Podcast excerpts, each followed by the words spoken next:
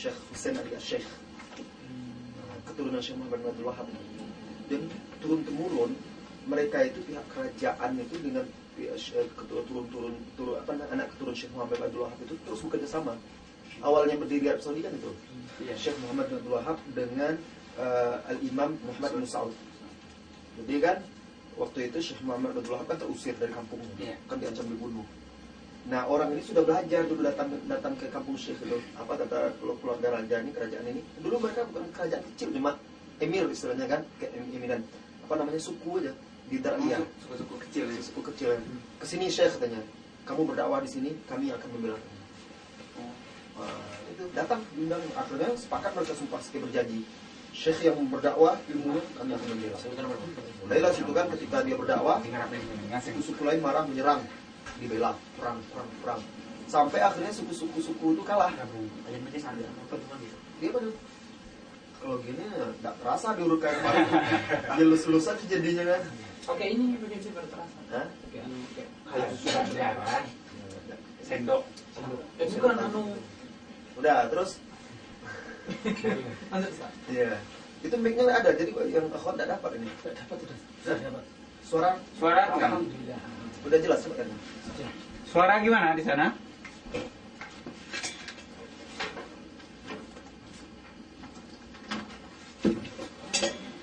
Kalau kita adjust nggak dapat. Sudah dapat kita.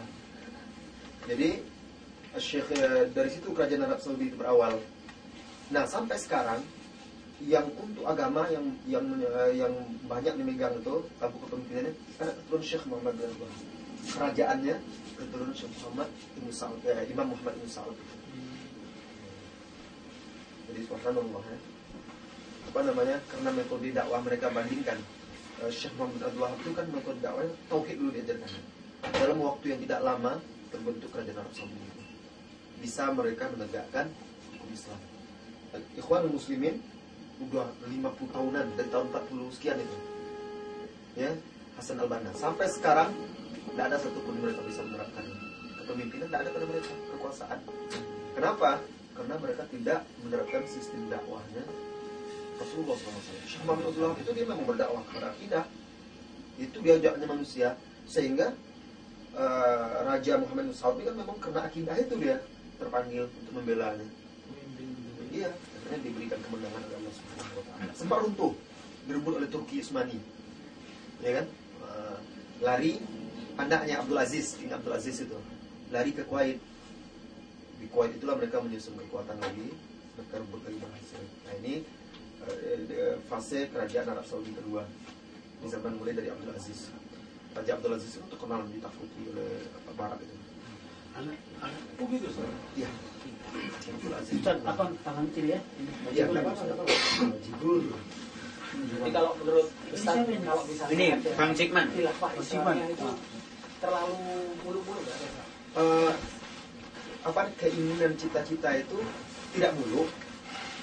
Dia akan menjadi muluk ketika orang berbicara khilafah khilafah tapi caranya itu tidak benar. Jadi kayak kayak orang banyak cerita aja berangan-angan. Tapi kalau ditempuh cara yang benar sebenarnya kan tujuan Rasulullah bukan membentuk khilafah. Tujuan Rasulullah adalah mewujudkan hakikat ubudiyah penghambaan diri kepada Allah. Rasulullah ketika di Mekah mengajak manusia itu tidak pernah berbicara masalah khilafah malah tapi ayo ibadati Allah. La ilaha illallah Muhammad Rasulullah. Diingatkan kepada akhirat Surga dan neraka. Diingatkan kepada akhlak yang mulia Ibadah. Itu Kenapa? Karena khilafah itu Bukan kita yang eh, mengusahakannya Tapi anugerah Buah yang diberikan oleh Allah Subhanahu Wa Taala Kalau kita menempuh jalan itu. Maka Rasulullah kan nggak ada dia eh, Ketika berdakwah di Mekah 13 tahun itu Mereka diam-diam berdakwah Untuk membentuk khilafah tapi bagaimana orang itu beriman, bertauhid, meninggalkan kesyirikan. Nah, setelah nampak perjuangan mereka itu, kesabaran, ketegaran mereka, Allah berikan mereka tempat di Madinah. Nah, itu pun tidak langsung ada khilafah, tetap saja baru berdakwah. Khilafah itu baru setelah mereka semakin banyak, kan dibutuhkan lagi. Nah, itulah Allah anugerahkan kekuatan dan kemenangan. Maka, ada tidak ada khilafah, ibadah mentauhidkan Allah tetap wajib. Karena khilafah itu ibaratnya payung loh. Ya kan? Nah, payung ada enggak ada payung kita harus walaupun hujan kita jalan aja terus.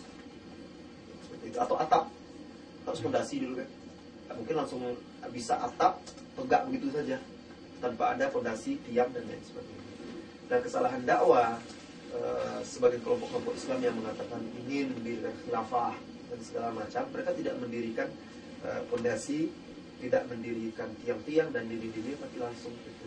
Nah, makanya sampai sekarang mereka tidak pernah dapat. Hizbut Tahrir misalnya. Khilafah, khilafah, khilafah. Tapi ini cara mereka keinginan untuk mendirikan khilafah itu hanya dengan dialog, diskusi, demo, seminar. Itu saja mereka kalau Tahrir kan itu kritik-kritik kritikan ini lalu mereka baca koran himpun berita-berita ini itu dan sebagainya lalu mereka kaji. Itu saja cuma nah kalau saya malah subhanallah saya lihat ya kalau sejarah Hizbut Tahrir itu itu hanya munculnya karena frustasi. Frustasi politik. Karena pendirinya kan Taqiyuddin An-Nabhani itu di Syria itu dia kan sel- angkat-angkatan semasa dengan Albana Albana bikin ekonomi muslim di Mesir dia bikin itu dan dia daftarkan untuk ikut pemilu. Ditolak oleh pemerintah Syria. Maka sampai sekarang mereka kan tidak mau ikut pemilu. Memang iya mereka anti padahal dulu pendirinya itu ikut tapi ditolak tidak boleh kurang suara Oh ya Ustaz, saya mau nanya Ustaz. Iya. Ini sekedar mengingatkan bagi Iwan semua dan juga Nah. untuk untuk yang eh, baru mungkin mendengar. eh, bagaimana sih Ustaz eh, cara memahami Islam yang benar? Apakah kebenaran itu satu? Apakah setiap eh, orang orang Islam atau kelompok Islam mengaku dirinya berdasarkan Al-Quran dan Sunnah itu benar Ustaz? Jadi sel- selama ini kan banyak yang berdasarkan eh, kelompoknya itu kami memahami Islam eh, dengan eh, kita me- me- mengamalkan Islam dengan Al-Quran dan hadis-hadis Rasulullah SAW. Jadi kita sama-sama benar, jadi nggak usah saling berperang aja gitu. Kita sama, menyalahkan. sama menyalahkan. Nah, bagaimana sih Ustaz memahami agama Islam yang benar? sebenarnya memahami Islam itu mudah sekali mengamalkannya itu mudah kalau kita lihat potret kehidupan para sahabat Nabi Shallallahu Alaihi Wasallam waradhiyallahu anhu ajmain kemudian generasi setelahnya tabiin dan juga generasi setelahnya tabi tabiin. Kita akan lihat bahwa memang kebenaran itu tidak berbilang. Kebenaran itu satu hanya ada pada Allah Subhanahu wa taala dan Rasulnya Shallallahu alaihi wasallam. Serta manhaj sahabat atau ijma sahabat amalia sahabat yang memang dijaga oleh Allah Subhanahu wa taala. Maka kita lihat para sahabat itu bukan tidak berbeda. Mereka juga berbeda pendapat pada sebagian masalah. Bahkan bukan hanya satu masalah, dua, tiga, empat, lima masalah. Mereka berbeda pendapat. Tetapi karena azas mereka itu sama, artinya mereka hanya tunduk kepada Allah dan Rasulnya Sallallahu Alaihi Wasallam, mereka tidak belah. Nah, seperti Abdullah bin Abbas pernah dia menyampaikan suatu masalah dalam masalah haji ada yang membantah dengan perkataan Abu Bakar dan Umar. Abu Bakar begini Abu Umar begini. Yang disampaikannya hadis apa kata Abdullah bin Abbas radhiyallahu anhu? Saya khawatir akan turun hujan batu atau Allah akan menghukum kalian dengan batu dari langit. Saya katakan qala Rasulullah sallallahu alaihi wasallam kalian malah mengatakan berkata Abu Bakar berkata Umar. Nah ini dia prinsip. Ini dia kaidah dalam dalam beragama. Kalau memang betul kelompok-kelompok itu mengaku mengikuti Al-Quran, mengaku mengikuti hadis Rasulullah Sallallahu Alaihi Wasallam, tidak mungkin wala wal barok mereka, loyalitas mereka itu dikaitkan dengan kelompok. Memang harus sakit ya? Iya, memang seperti itu. Memang seperti itu. Karena orang, manusia itu tidak akan merasakan nikmatnya sehat, ya nikmatnya sembuh, kecuali merasakan sakit. Wah baru enak diurut nih. Setelah sakitnya itu, ya mari kita lanjutkan yang tadi. Potong. Sampai mana tadi? Walau Ya, Ah. tidak.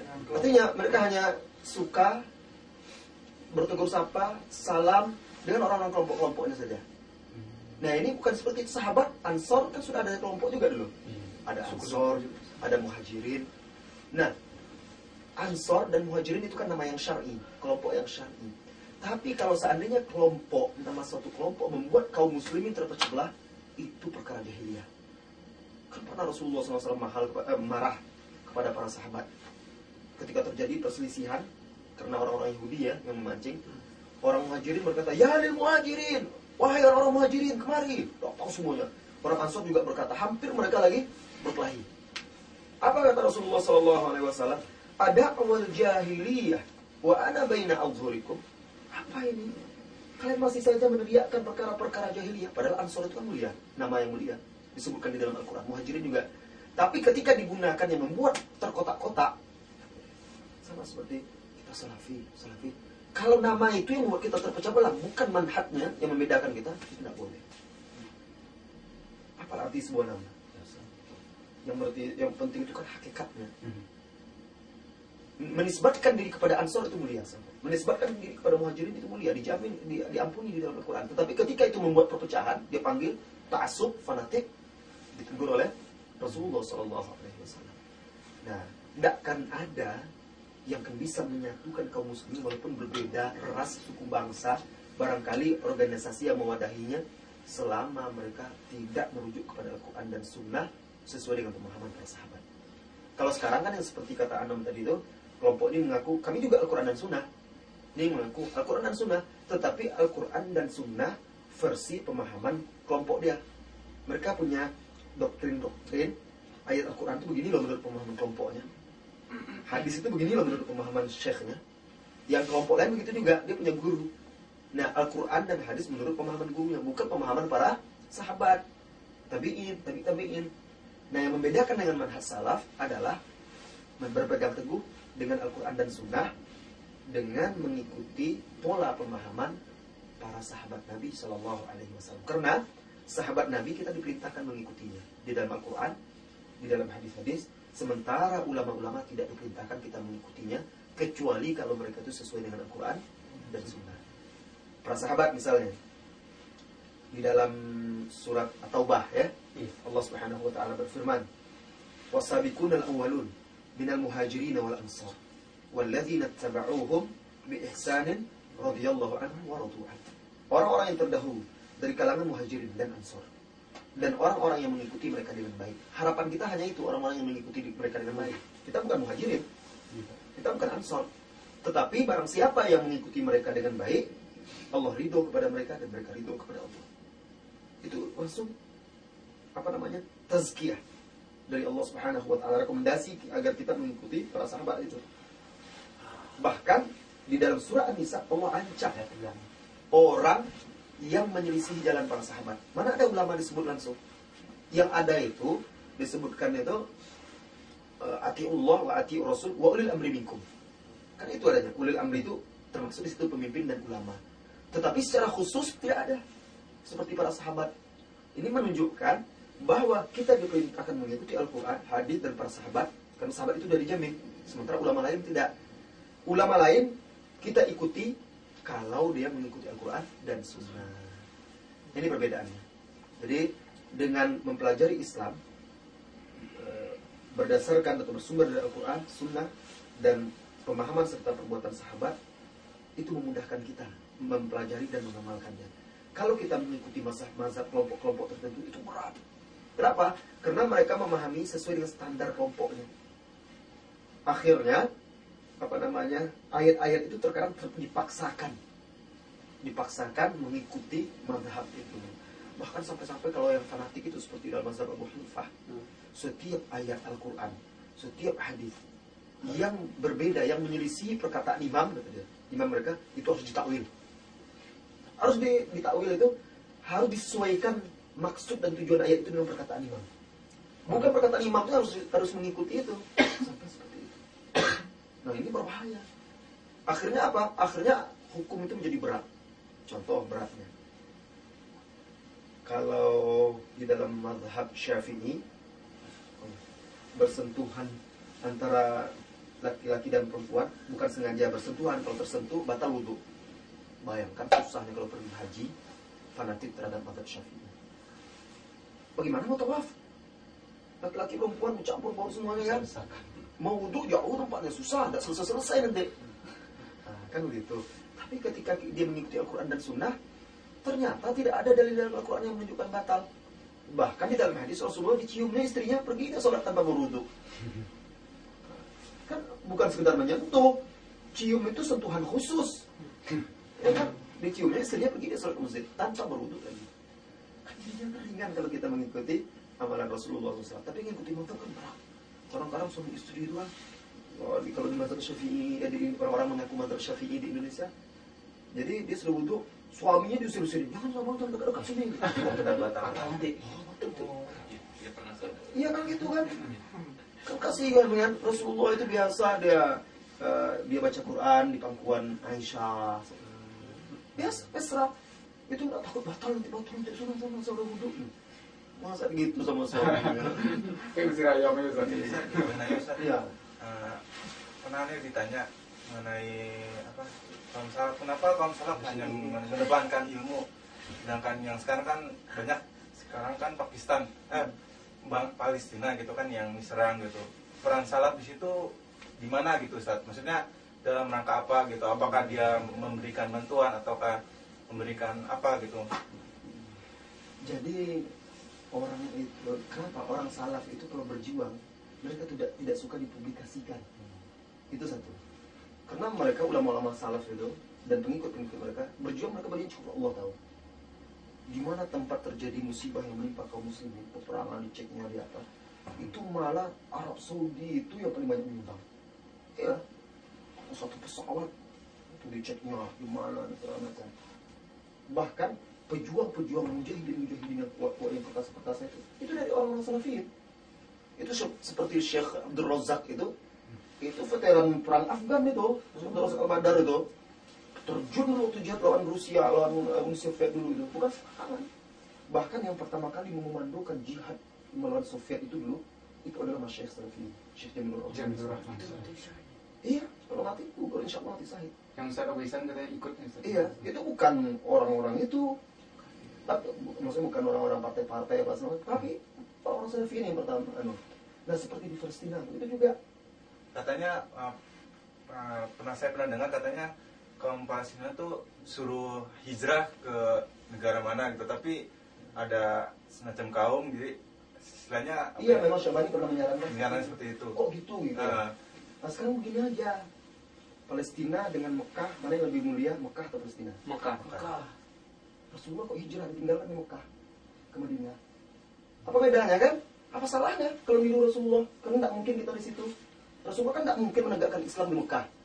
Hijrah dia ke tempat di mana mereka di situ menyusun-nyusun kekuatan. Apa salahnya mereka hijrah dulu? Dari situ karena mereka memang tidak bisa di situ berjuang, tidak bisa menegakkan agama. Jadi kalau mereka mau berpikir, kenapa mereka mereka katakan orang salaf karena asik-asik ilmu saja. Dengan ilmu itulah sikap orang salaf menjadi benar. Mereka bersikap tanpa ilmu. Kalau mereka mau berpikir kan, apalah artinya Palestina dibandingkan dengan Mekah? Tidak ada apa-apanya. Mekah itu satu sholat di masjid itu seratus ribu pahalanya. Masjid Nawawi, Masjid Nabawi seribu. Palestina di Masjid Baitul Maqdis cuma 500. Kiblat kita mana? Mekah. Rasulullah sholat. Terpaksa Rasulullah tinggalkan. Akhirnya Allah berikan lagi kemuliaan. Nah seharusnya mereka paham. Ketika Syekh Al-Albani menyarankan seperti itu, dan Syekh Al-Albani tinggal dekat sana. Dia tahu kondisi itu. Kan Yordan itu berdampingan dengan Palestina. Dia tahu. Nggak memungkinkan kaum muslimin di situ itu untuk menyusun kekuatan. Belajar aja agama nggak bisa, susah. Perang berkecamuk gitu. Bagaimana gener- akhirnya tunggu generasi kalau pemuda-pemuda Palestina itu mereka buat perempuan yang baju ketat-ketat hmm, itu tidak mengamalkan Islam. Bagaimana mau diharapkan? Baguslah mereka dibina lagi. Mereka akan kembali ber, berjuang. Nah itu satu. Kemudian kedua, baca sejarah. Kita sampaikan kepada mereka. Dulu di zaman Salahuddin itu hampir setengah abad lebih hampir setengah abad eh, setengah abad lebih itu Palestina itu di bawah kekuasaan orang Nasrani hampir eh, hampir 100 tahun itu hampir 100 tahun hampir satu abad itu lama tidak pernah ada sholat Jumat di situ nggak bisa memang nggak bisa kaum muslimin di situ sampai akhirnya Salahuddin berjuang yang mulai dari Muhammad Nuruddin Az-Zaki pendahulu dia diteruskan oleh Salahuddin Al-Ayyubi sampai akhirnya berhasil rebut. Sekarang Palestina itu dijajah oleh orang Yahudi belum sampai satu abad lagi. Tahun 40 berapa diserahkan oleh Inggris? 46 ya? Berapa? Pak? Setengah abad baru kan? Kita harus sabar. Perjuangan Salahuddin itu bukan dari dia memulai. Sebelum dia Mahmud Nuruddin Az-Zaki atasan dia. Meninggal itu dilanjutkan oleh dia estafet gitu. Sampai akhirnya bisa merebut itu. Dan waktu itu kaum muslimin nggak ada di situ. Nah, jadi nggak masalah itu. Seperti itu. Malah berjuang di situ terus, di situ terus. Orang-orang Palestina nggak bisa belajar. kapan mereka menjadi ilmuwan? Di situ mereka ditindas ini apa dan segala macam. Nah, jadi ketika seperti para ulama itu memberikan fatwa seperti itu, mereka memandang jauh ke depan dengan berdasarkan ilmu-ilmu para ulama dan menyatakan kepada Muhammad amal Rasulullah. Jadi, subhanallah, kita lihat itu ya, fatwa-fatwa ulama-ulama kita itu luar biasa sebenarnya. Kenapa? Karena mereka itu eh, apa namanya hati mereka itu memang tulus untuk Allah. Coba bayangkan di Palestina itu perjuangannya. Apa namanya? Al-Fatah dengan apa namanya? itu? Hamas. Hamas. Itu bisa mereka saling berperang. Eh, bukan berperang maksudnya ba- berdebat berdebat gitu. Ini Hamas. tukar menukar peluru, tembak-tembakan, saling bunuh, saling culik. Apa yang mereka perjuangkan? Benar mereka memperjuangkan itu kan Hamas orang, orang, orang, orang Ikhwan ya, Ikhwan. KS. Orang Ikhwan salah sebut saya. Orang Ikhwan, Ikhwan Muslimin di situ. Apa yang mereka perjuangkan? Setelah mereka menjadi perdana menteri, nggak juga tegak hukum Islam. Kan ya perdana menteri mereka kan? Iya. Mana hukum Islam yang ditegakkan di situ? Kesyirikan masih ada bahkan bahkan di situ itu ada madrasah tahfiz salaf. Itu diusir oleh orang-orang Hamas. Mereka cuma membuat sekolah tahfiz. 30 orang penghafal Al-Quran itu diusir. Ditutup madrasahnya. Itu dijadikan markas partai. Iya. Malah yang diulurkan ini Ustaz ya. Disebut syaitan itu Ustaz. ya. Iya. Nah kenapa? Karena mereka tidak temukan satu komunitas yang mereka anggap penghalang jalan mereka untuk ketampuk kepartaian itu, jabatan itu, kecuali Salafi. Karena Salafi bukannya mencari jabatan, dia ingin ini loh Islam. Dan kenyataannya Ikhwanul Muslimin di Mesir sekarang mereka menang pemilu. Menang 60% tapi udah bilang kami gak akan menegakkan syariat Islam. Mana? Mesir. Memang iya Iya, benar. mereka udah bilang gitu. Memang dari awal. Iya. Islam. Ya walaupun mereka menang, kami nggak akan Mereka menegakkan syariat Islam. Jadi tenang aja orang-orang Kristen, tenang aja gitu. Jilbab juga nggak akan kami Apa yang paksakan. akan diperjuangkan kalau gitu? Udah terserah ya. Tidak ada yang kalau insya Allah kalau Salafin kalau mereka berjuang mereka akan menegakkan syariat Islam. Karena memang itu cita-cita kita. Tapi caranya kan harus menempuh jalan Rasulullah SAW itu. Jadi di menurut Salafin itu tidak ada eh, keanggotaan, grup itu Nggak ada. Jadi Siapa namanya. Ahlus Sunnah wal Jamaah itu siapa sih Ustaz? Apanya? Ahlus Sunnah wal Jamaah itu siapa sih Ustaz? Ahlu sunnah itu sesuai namanya kan. Sunnah itu kan jalan hidup Rasulullah SAW. Ahlu ahli itu kan pengikut. Jadi sunnah wal jamaah itu terserah orang siapa nggak ada ke kartu anggota apa semacam. Yang penting di mana pun dia berada di Jepang di Amerika selama dia itu mengikuti Al-Quran, berpegang teguh dengan Al-Quran dan Sunnah, kemudian berjamaah bersatu di atas Al-Quran dan Sunnah itu, itu adalah Sunnah wal Jamaah. Oleh karena itu Rasulullah ketika ditanya siapa mereka, humul jamaah. Mereka itu adalah al jamaah. Jamaah itu banyak artinya. Jamaah itu bisa kelompok yang banyak. Di zaman Rasulullah memang mereka adalah kelompok yang yang banyak. Tapi di masa-masa berikutnya jamaah itu adalah seperti yang dikatakan oleh Ibnu Mas'ud, al jamaah ma wafaqal haq wa in. Jamaah itu yang sesuai dengan kebenaran walaupun seorang diri. Nah, walaupun engkau sendiri tapi mengikuti kebenaran, kamu jamaah. Karena jamaah itu artinya bersatu di atas kebenaran itu. Oh, jadi bukan semacam ada kelompok gitu. Kelompok yang banyak bukan. Jadi kita langsung aja bukan kelompok tertentu. Kan kadang orang ada kata, kami boleh masuk ke salap. Ngapain kok masuk salap? Hmm. Ini bukan harus dibaiat, bukan harus ini, itu dan segala macam. Hadir silakan. Karena orang Islam itu, kalau dia di atas fitrahnya, dia Islam. Tidak melakukan kesyirikan. Kalau hanya sedikit-sedikit melakukan bid'ah-bid'ah kecil, itu belum keluar dari manhaj salaf. Dia salafi. Nah, ya. Misalnya dia hanya sekedar niat pakai usolli, itu karena ketidaktahuan dia.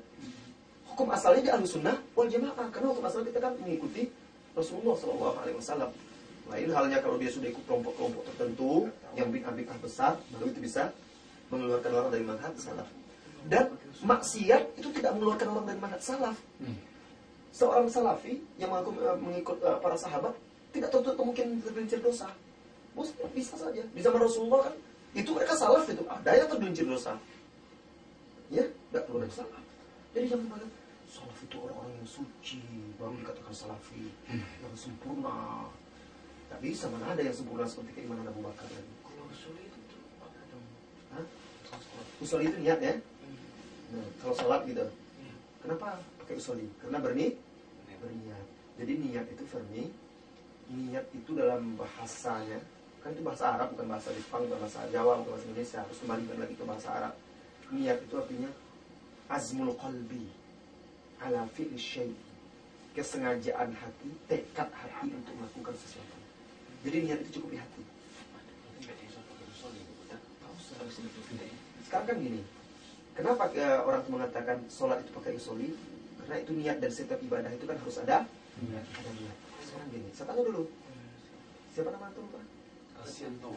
Kasianto Joko kasihan. Mas Anto, Mas Anto. Mas Anto, Anto, ya, Anto. panggilannya Anto, ya. Mas Anto, Atau kasih aja nama Islam Jafar Umar. Walaupun Jafar Umar Tolib.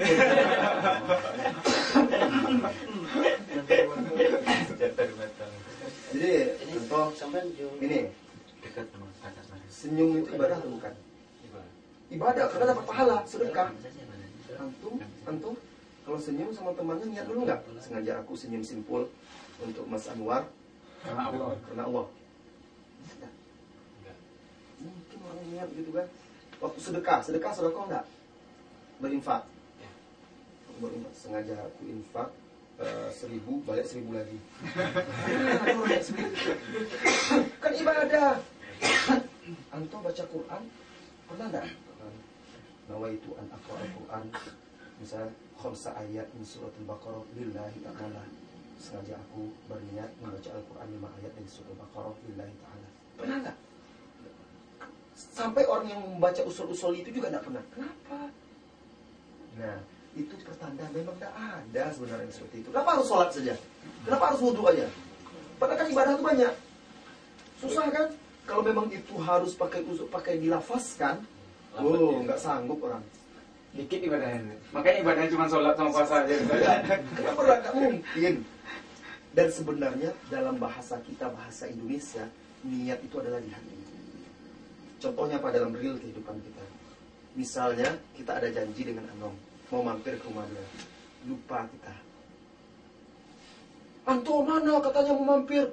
Waduh, iya tadi saya sudah sebenarnya sudah terniat ke sana mau, mau mampir. Lupa saya nggak jadi.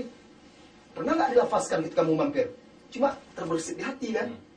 Kata Mas Anom, Afanya, tadi sebenarnya saya sudah niat di hati saya mau mampir. Oh, di hati kata dia kan. Kan sering orang kita gitu kan?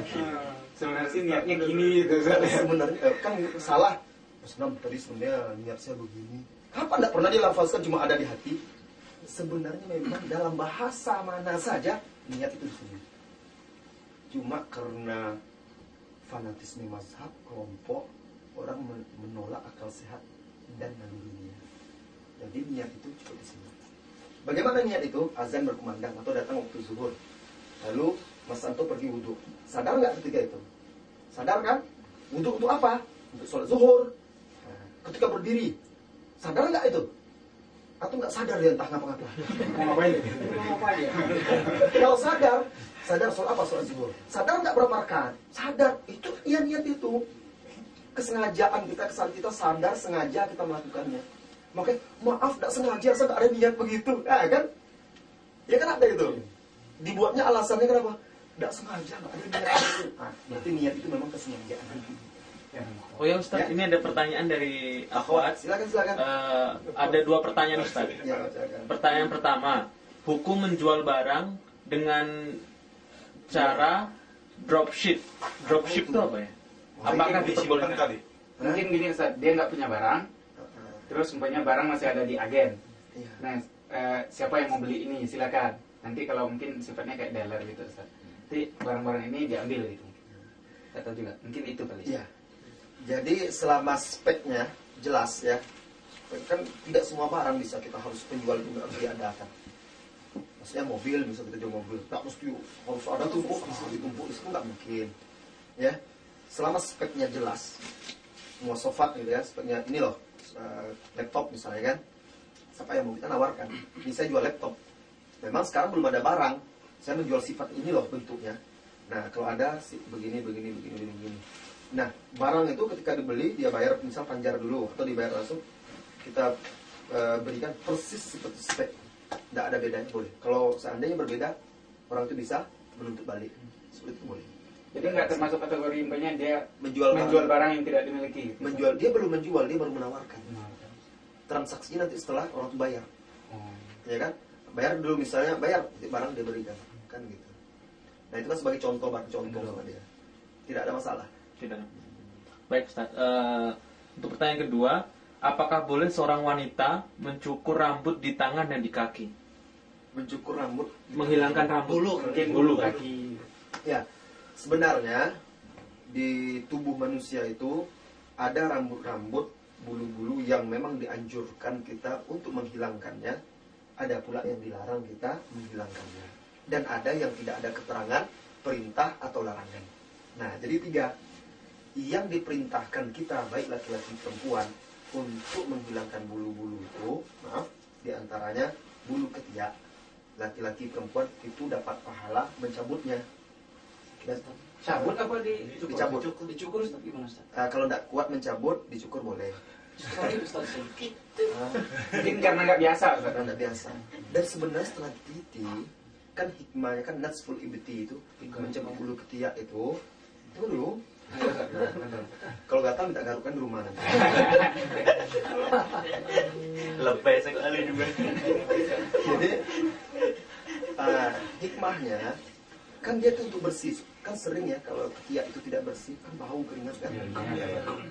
Nah ternyata kalau dicabut itu kan sampai ke akar. Yang membuat dia bau itu akarnya itu. Iya, hikmahnya yang membuat bau itu akarnya itu loh. Di situ karena masih ada akarnya. Jadi kalau dicukur pun dia masih akan tetap ada. Tapi dampaknya tuh bisa hitam loh, digaruk-garuk karena gatal itu. Ustaz. Saya enggak. Cabut terus, enggak. Sementing bersih kan. Anak lihat itu awalnya itu tiap ngobrol tuh gini terus terus. Siapa hitam gitu terus? Hah? Kebiasaan kan? Eh jangan depan orang yang gitu. Memang karena karena kebiasaan. ya. Jadi as- hukum asalnya gitu. Tetapi kalau tidak sanggup boleh dicukur. Cuma kan saya menjelaskan hikmahnya. Jadi dicabut memang ada ininya ada sunahnya. Memang perintahnya dicabut, full ibti, nats dicabut. Nah, jika dijelaskan oleh para ulama hikmahnya salah satu karena dia kan akarnya dicabut. Nah, oh tapi orang karena dia tidak biasa itu ditunggu lebat dulu, tentu capek dan sakit jadinya. Tapi masih sedikit dicabut. Bayangkan kalau sekali seminggu aja menjelang Jumat dia kan, nah, cabut. Tapi jangan depan orang kayak tadi, ya. Juga. Nah, sopan nanti katanya. Anak tanya Ustaz, Belum selesai deh. Rambut-rambut itu. Jadi mencabut bulu ketiak. Kemudian eh ah ini baru cukur disebutkan oleh- di dalam hadis. Subhanallah itu hadis itu loh eh, syariat Islam itu bisa diterima akal. Maaf, mencukur bulu kemaluan, rambut di kemaluan. Kan tidak mungkin dicabut itu. Sejam itu nggak selesai. Kalau itu memang disebut oleh hadis itu dicukur. Ya, memang dicukur dan itu sunnah untuk kebersihan. Dan maksimal itu 40 hari. Paling lama. Itu dijelaskan oleh sahabat. Kalau sudah 40 hari itu sudah harus di ini. Kemudian merapikan kumis. Ya, kan dicabut atau nggak dicukur?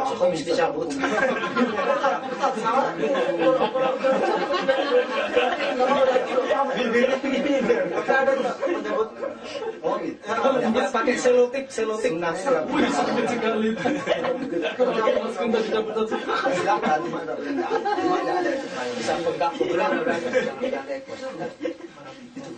Dapat pahala itu.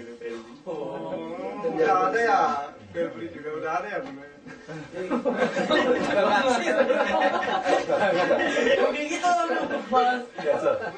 Ustaz kan di dalam hadis kan ada seorang sahabat Belum selesai. Yang Nah. Yang ketiga, yang dilarang kita menyebutnya dia ada empat berarti. Yang dilarang untuk menyebut atau memotongnya. Nah, seperti kalau laki-laki jenggot, ya kan? Kalau perempuan alis. Jenggot itu boleh dirapikan. Misalkan dipotong, saya mau yang tinggi apa sekitar 5 cm aja potong. Itu apa boleh Ustaz? Bertentangan dengan hadis. Kalau hadis kan suruh pelihara. Kalau yang saya ini emang katanya segenggam itu kalau dengan syarat ini ya Ustaz, apa namanya mengganggu gitu katanya. Ya, itu itu Syekh Albani menjelaskan itu sahabat itu melakukannya di musim haji ketika dia tahallul. Ya, ada sahabat seperti Abu Hurairah dan lain sebagainya. Dan dia digenggamnya genggam segenggaman kan? Yang belum melebihi segenggaman itu dipotong bukan yang di sini? Ah, ayo segenggamin. Langsung dipotong gitu. Sama aja bohong. Berarti itu boleh aja kan? Oh itu Tidak, saya bukan katakan boleh. Itu Oh, salah satu pendapat. Hmm. dan itu pendapat eh, eh, pendapat apa Syekh Al Albani sementara Rasulullah SAW sendiri tidak melakukan itu. Cuma dia mengatakan ada sahabat melakukan. Rasulullah jenggot sampai ke dadanya ya. Nah itu yang terlarang. Nasful ifti perempuan eh nasful apa ini eh, namiswat mencabut bulu alis terlarang. Nah ada sekarang bulu-bulu yang tidak ada keterangan memerintahkan tidak ada keterangan melarang. Seperti bulu di tangan bulu di kaki bulu di dada. Nah kalau perempuan memiliki bulu-bulu di tangan di kaki yang merusak pemandangan. Pemandangan maksudnya keluar dari kewajaran normalnya perempuan kan kalaupun ada bulu-bulu halus. Kalau sampai kayak laki-laki keriting-keriting bulu banyak itu kan pemandangan artinya itu di luar dari kebiasaan yang diberikan oleh Allah. Nah bisa dan bisa-bisa takut suaminya nanti. Nah kalau seperti itu insya Allah bisa dihilangkan. Artinya kalau yang keluar dari kebiasaan yang sudah disunahkan oleh Allah itu biasa kan cacat itu kelainan. Misalnya dia lebat dia bulu Iya, bulu kadang apa? Iya, kumisnya ada. lebat. Nah itu kan merusak apa dia kan penampilan dia. Boleh dia hilangkan. Hilangnya tuh makin banyak makin banyak. Kalau dicukur ya makin banyak. Kan ada obat yang mematikan itu. Rumput. Kontrak. Jadi jawabannya kalau bulu kaki itu boleh Kalau seandainya itu keluar dari yang normal. kalau hanya untuk kecantikan misalnya ah saya pengen karena sekarang lagi tren bahwa Oh nggak boleh. Cabut. Kalau ada bulu-bulu halus dan segala macam itu, misalnya kan tidak sampai merusak. Wah, Kan ada juga jenis perempuan yang memang ada sedikit-sedikit ya bulu halus, ada di sininya. Itu nggak sampai seperti kumis kan? Itu tidak ada masalah. Kalau tujuannya ada untuk kecantikan dan segala macam itu tidak ada. Allah a'lam. Karena itu merubah ciptaan Allah jadinya. kan. Ah, Nah, ini baru Pak Anwar. Enggak ada dengar ah, pernah da- dapat keterangan dari seorang sahabat dia bertanya kepada Rasul ya Rasul katanya. Bagaimana iman saya? Saya ini termasuk orang yang baik apa gimana? Iya. Tanya sama tetanggamu katanya. Apakah tetangga kalau ke tetangga kamu mengatakan bahwa kamu orang baik berarti kamu orang dia berbarometernya ke tetangga. Nah ini untuk untuk mengetes keimanan kita. Terbesit kadang-kadang kalau kita mendengarkan murotal gitu, ah, kayaknya ada sesuatu gitu. Apa kita termasuk mer- merasa iman kita meningkat gitu atau enggak Jadi- ini cuma ya barometernya bisa nggak untuk mengetes keimanan kita mendengarkan murotal gitu terasa suatu keteduhan atau suatu kenikmatan yang lain daripada yang lain Ah, sebenarnya itu bukan untuk mengetes keimanan. Karena barometer keimanan tidak bisa di situ. Sebab bisa jadi siapa pun bisa tersentuh mendengarkan bacaan Al-Quran. Apalagi kalau bacaannya bagus. Ya, enak, khusyuk. Itu siapa pun bisa tersentuh. Tetapi itu salah satu tanda. Salah satu tanda orang-orang beriman itu kalau mendengar bacaan Al-Quran eh, atau mendengar nama-nama Allah bergetar hatinya, bertambah keimanannya. Ya, tetapi barometer yang sesungguhnya banyak daripada itu. Contohnya di antara barometer yang benar-benar bisa untuk mengetes keimanan seseorang itu sholat berjamaah. Sholat subuh berjamaah. Atau kalau yang tidak di sini tidak ada masjid, sholat subuh. Kalau mau mengukur keimanan kita, karena Rasulullah menjadikan itu standar. Apa kata Rasulullah SAW? Athqalus salati ala munafiqin al-isya wal fajar. Seberat-berat sholat bagi orang munafik itu sholat isya dan sholat subuh. Dan memang itu berat itu. Banyak orang kena di situ. Sholat maghrib mudah orang. Gampang ya. Rata-rata orang tidak sholat, dia sholat maghrib itu paling banyak yang sholat. Iya. Iya. Kebanyakan kalau di kampung-kampung juga gitu. Ustaz. Selama Maghrib, maghrib aja yang kemandang Ustaz. Ustaz. Memang ya. Tapi kalau isya itu apa? Orang sudah capek. Dan itu jam-jam santai. Kumpul keluarga, makan-makan, datang tamu. Itu lalai udah. Sampai kalau udah lewat malam, udah malas lagi dah, udah malam. Ngantuk, ini berat badan segala macam.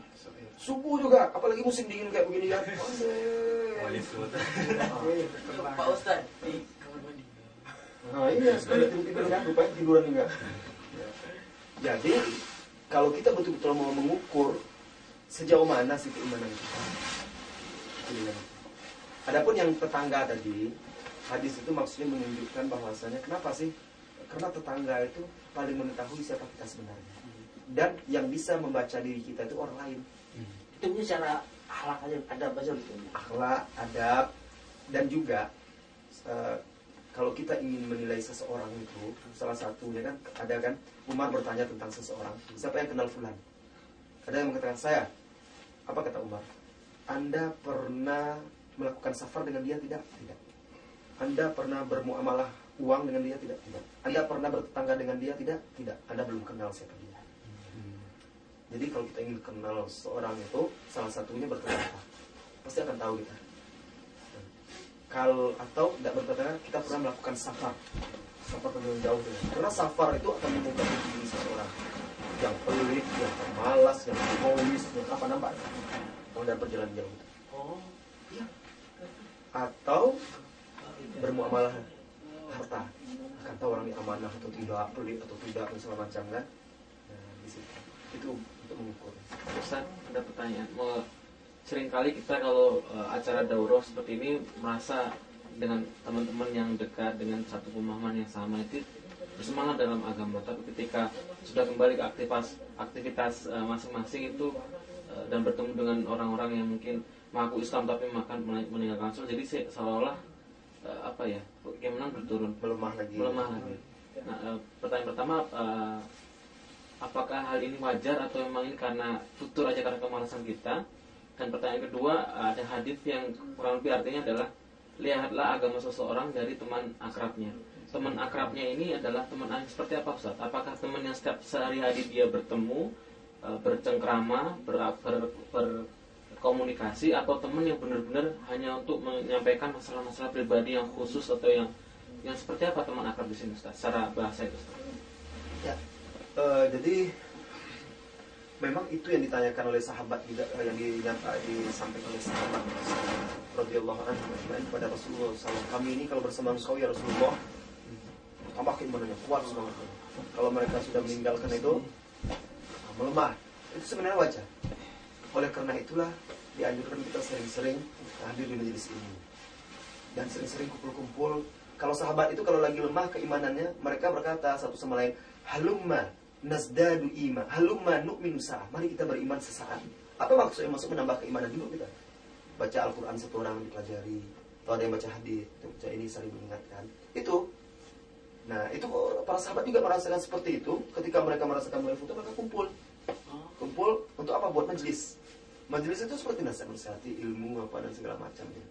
Memang itulah kondisi kondisi keimanan kita itu bertambah dan dan berkurang. Maka kita katakan itu suatu hal yang wajar pertama. Dan yang tidak wajar itu ketika keimanan kita terasa melemah, kita biarkan saja. Akhirnya semakin lemah. Kalau kita sudah merasa lemah itu kalau kita apalagi di rantau seperti di sini ya, kita sedikit hidup di tengah orang-orang kafir. Maka kita tidak boleh putus komunikasi dengan kawan-kawan kita. Sebab apa? Syaitan itu, yang syaitan itu, serigala itu, kalau kita lihat apa video-video hewan-hewan itu, kan singa misalnya, dikepungnya banteng itu kan, dia tidak berani kalau banteng itu rame itu, tunggunya. Nanti yang tertinggal satu, terpisah itu yang di mereka santap. Dan ada di dalam hadis dhaif seperti itu juga. Sesungguhnya syaitan itu lebih dekat kepada yang seorang. Dan karena doi itu mak- maknanya sahih tapi sanadnya dhaif. Tetapi serigala seperti sebagaimana serigala tidak akan memakan domba kecuali yang terpisah dari dari rombongannya. Nah, kalau kita jarang berkomunikasi, kalau sudah mulai merasa lemah, jarang berkomunikasi dengan kawan-kawan kita, itu akan semakin cepat hilangnya. Maka kalau kita udah merasa ini, tidak apa-apa, telepon kawan kita entah siapa, Pak apa kabar ini? Aduh Pak Anwar, saya merasa seperti ini, ini. Nah kita, kawan kita harus nasihat itu. Oh iya, akhi, ya antum harus semangat, begini, begini, ini. Nah, dengan itu kan enak. Saya, aduh, aduh, gimana kabar? Ini, ini, Ah, ini yuk, tolonglah. Gimana caranya saya lagi ini, lagi itu. Kan nggak ada salahnya kita sama-sama kawan, apalagi di rantau itu kan. Itulah dia orang-orang beriman itu satu tubuh, saling menguatkan satu dengan dengan yang lainnya. Ini satu yang harus kita ingat. Jadi berjamaah terus dan terus tambah keimanan itu berdoa kepada Allah untuk diteguhkan. Yang kedua tadi eh, agama seseorang itu dilihat dari teman dekatnya. Teman akrab dan teman dekat itu maksudnya teman duduk. Teman duduk yang sering bergaul sama dia, berkumpul. Kenapa? Kalau kalau curhat itu kan sekali-sekali cuma kan. Tidak mungkin setiap hari curhat. Ya, curhat itu kalau ada masalah. Ya, Dan biasanya teman yang diajak curhat itu adalah teman yang dia percaya, jadi dia yang akrab itu atas betul. teman yang akrab tetapi jarang ketemu. Salam. Itu tidak terlalu berpengaruh. Tapi kalau sering kontak-kontak itu umpamanya. Bisa. Ini kan sering kontak dan sama teman duduk itu. Kenapa? Kenapa dikatakan begitu? Karena kalau teman duduk itu sering berkumpul itu, itu yang pengaruhnya mengajak kita. Apa diajaknya gitu? Karena, karena kita duduk bersama dia kan, kalau sudah akrab itu kalau dia ber- berbuat maksiat, kita tidak tega menegurnya. Nanti tidak enak atas kawan kita. Solider. Solider kan? Tak sholat dia, ada azan, tidak enak kita terbawa kan? Itu karena teman duduk itu. Tapi kalau teman walaupun jarang-jarang ketemu kan, tidak begitu berpengaruh. Seperti itu. Jadi dia masuk di situ teman yang berpengaruh dekat sebenarnya. Sering kumpul. Kecuali kalau itu sering telepon-teleponan, sering ini, itu sama lah. Jadi, uh, apa kata para ulama dahulu? As-sahibus sahib. Sahabat itu menyeret sahabat. Nah, Maksudnya Anda bersahabat dengan orang yang berilmu, mau tak mau, kalau bukan Anda yang mengajak dia menjadi bodoh misalnya, kawan Anda yang ngajak Anda jadi pandai. Tergantung siapa yang paling kuat uh, uh, pengaruhnya. Ya, seperti itu, berteman dengan orang yang kaya, bisa jadi kita dapat sedikit-sedikit kecipratan. Kasih modal. Kasih modal, kan? Seperti itu. Berteman dengan orang yang maga, ada masalah kita di backup. Nah, Ya. Berteman dengan orang yang tidak pernah sholat, lama-lama kan seperti dia juga kita, karena kita menjaga solidaritas ya, solidaritas kawan ini segala macam. Nah, kalau kawan kita, kalau kita kuat, kita yang bisa mengajak dia. Jadi itu almaru ala dini. Seseorang itu mengikuti agama khalil. Khalil itu kekasih artinya. Tidak mungkin kan laki-laki jadi kekasih laki-laki. Maksudnya begitu dekatnya hubungan hati mereka. Akrab kali. Biasanya kalau yang akrab itu kan sering jumpa, sering ketemu, sering kumpul, sering komunikasi, sering pergi makan sama-sama. Eh, makan-makan itu itu salah satu tanda orang itu dekat. Iya, dari zaman dahulu. Karena orang biasa tidak akan mengajak orang makan kecuali teman dekatnya. Maka Rasulullah SAW mengatakan eh, menganjurkan jangan memakan jangan berteman la la tusahib illa mu'min wala ya'kulu ta'amaka illa taqi. Jangan berteman kecuali dengan seorang mukmin. Maksudnya sahabat bersahabat teman dekat. Dan kalau bisa jangan memakan makananmu kecuali orang yang bertakwa. Apa maksudnya? Biasanya orang yang sering diajak makan ke rumah itu pasti teman dekat. Tak mungkin kalau jarang-jarang diajak-ajak kan. Artinya berteman dengan orang beriman dan bertakwa. itu bisa juga untuk apa ya masalah tentang orang tua gitu ketika meninggal kan uh, salah satu amal ibadah itu mendatangi sahabatnya gitu Ya. sama seperti itu kan apa pengertian Gimana gimana? uh, kalau misalkan orang tua kita meninggal gitu salah satu amalan yang mungkin apa ya kalau nggak salah seperti apa Itu bakti. bakti kepada orang tua dengan cara mendatangi sahabatnya seperti itu kan apa Bukan pengertian men- menjaga, tetap menjaga hubungan persahabatan ayah kita dengan teman-temannya. pengertian uh, sahabat akrab itu sama seperti itu Iya. Oh. Selama sahabat itu sahabat-sahabat yang baik. Tapi kalau tidak, kalau tidak baik untuk apa? kan? Oke. Tidak apa. Siapa yang kuat anu tidak terasa kaki itu bisa. saya biasanya pakai alat itu yang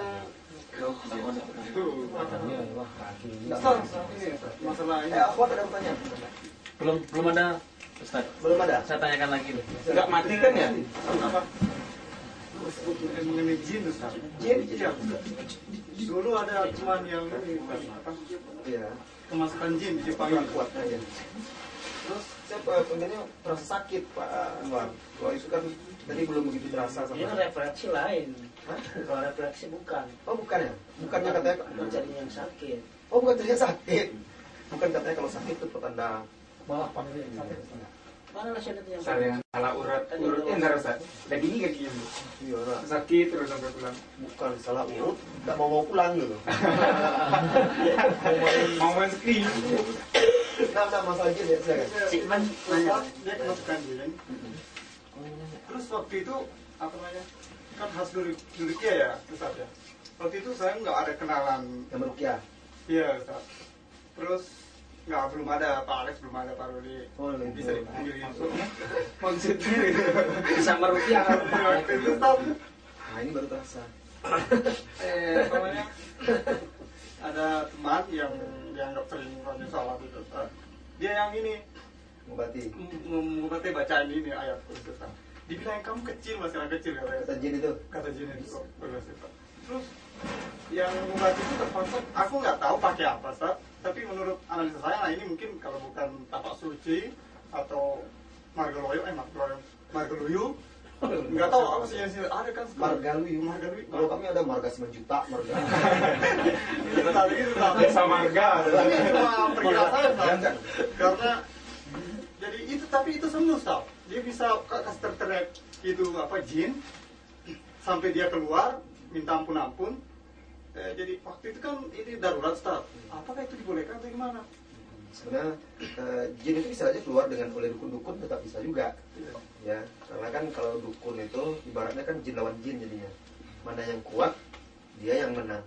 Pertarungan antar antar jin lah kan di dunia persilatan mereka. Iya jin sama jin. Nah gitu juga kok jadi agak kram jadinya. ya, agak pas gini tadi agak terasa kram. Iya, sakit. Mungkin bagian saya Pegal. di pundak ya daerah pundak jadi wa- sebenarnya tidak bisa dikatakan darurat kecuali kecuali akan menyebabkan orang itu mati apa tersiksa dan segala macam nah masih ada cara-cara lain untuk itu ya apa namanya Eh, kalau seandainya orang itu diobati dengan cara-cara dukun itu biasanya ada beberapa kemungkinan. Yang pertama jin itu memang keluar karena kalah dia yang kedua jin itu keluar dengan perjanjian. Maksudnya? perjanjian dengan jin yang mengalahkan dia juga bahwa dia itu keluar dengan syarat-syarat tertentu. Nah, ini kesyirikan nanti. Dan Itu biasanya dukun itu. Itu yang sering. Bisa. nah itu yang sering. Dan biasanya kalau syarat itu tidak terpenuhi dia akan balik lagi. Nah, dan syarat itu bukan berarti sesembahan. Bisa dengan lafaz-lafaz mantra itu kemudian yang berikutnya bisa jadi jin itu keluar karena tersakiti oleh dukun itu kan lari ya tetapi dia tetap akan mendendam kepada orang di suatu saat dia akan balik-balik lagi. Nah, oleh karena itu jarang orang yang berobat dengan kedukun itu sembuh total. Biasanya sering kampung-kampung lagi? Iya. Balik. balik lagi dia. Karena jin itu belum belum kapok dah dia karena hanya takut sebenarnya makhluk makhluk itu hanya takut kepada Allah azza wa jalla. Nah oleh karena itu tidak ada ada cara lain kecuali harus dirukyah tapi bisa juga kalau kita tidak bisa merukyah ada eh, jin itu takut dengan jenis tanaman-tanaman tertentu. Dan itu disebutkan oleh Rasulullah SAW seperti namanya kistul hindi. Itu ada dalam Zadul Ma'ad. Kistul hindi itu seperti kayu yang baunya menyengat. Itu kalau orang kesurupan ditaruh dekat hidung langsung bingung dia oh, sakit ya. Nah biasanya itu untuk mengeluarkan jin yang mada Jepang Bandel. mada iya bahasa Jepang baru mada itu keras kepala ya pembangkang. Tidak mau keluar dan biasanya kalau dia mengganggu bagian syaraf manusia. Nah itu kistul hindi itu dijadikan serbuk dicampur dengan zaitun. Itu dibacakan rukyah diteteskan biasa keluar bersama bersin. Dia bersin nanti keluar Bukan kayak kemenyan itu, Ustaz. bukan. Itu bukan kemenyan. Itu ada di Indonesia jenis kayu. tidak ada. Di Arab. Di Oh, Arab di di- India. Tindin ya. kistul hindi. Kistul hindi. Iya. India kan hindi itu ya kenapa namaannya seperti itu. Di Arab biasanya dulu saya tahu apa saya bawa. Kemudian ada lagi nama jenis tanaman sina. Daun sina maka sina maki. Oh, yang untuk kita itu bukan. bukan itu hina. Ini sana atau sina nah itu kalau jin itu di perut bagian perut yang sakit diganggu jin ya. Nah itu di apa ditumbuk kemudian dikasih air bacaan aja al-fatihah apa kemudian diminumkan itu keluar itu. Kalau kita tidak bisa merukyah itu membantu ya mungkin kita bisa cuma al-fatihah kan? Tapi kalau kita bisa rukyah bacakan aja.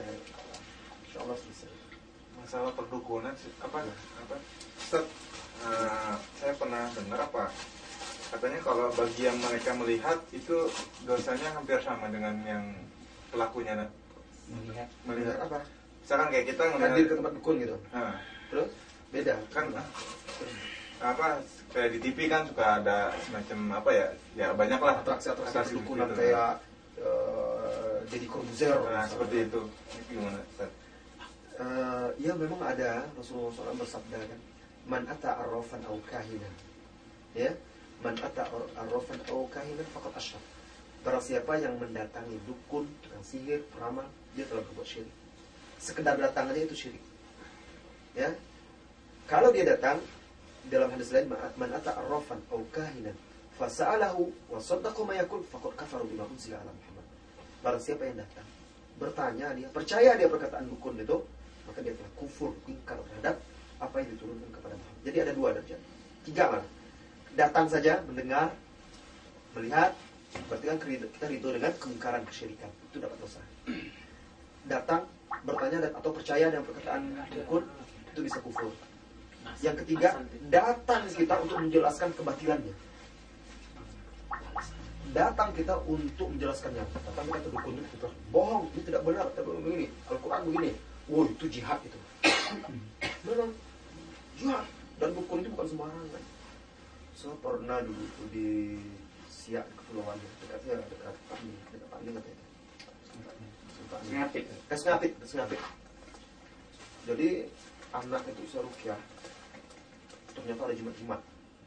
Tidak bisa jimat, dia punya jimat-jimat kan saya panggil orang tuanya mana jimatnya keluarkan semua banyak ada jimatnya itu patung dewi dari Cina dewi Cina ya. Sri itu orang Jawa itu. Cina Jawa kan jadi itu kemudian keris kemudian teman-teman itu kerisnya dengan patung itu dibuang ke laut yang lainnya saya makan besoknya datang anggota itu datang rumah saya. Bukan baru. Datang dia minta ganti. Minta ganti itu maharnya mahal kan? karena mereka harus kan perjanjian. Di sini.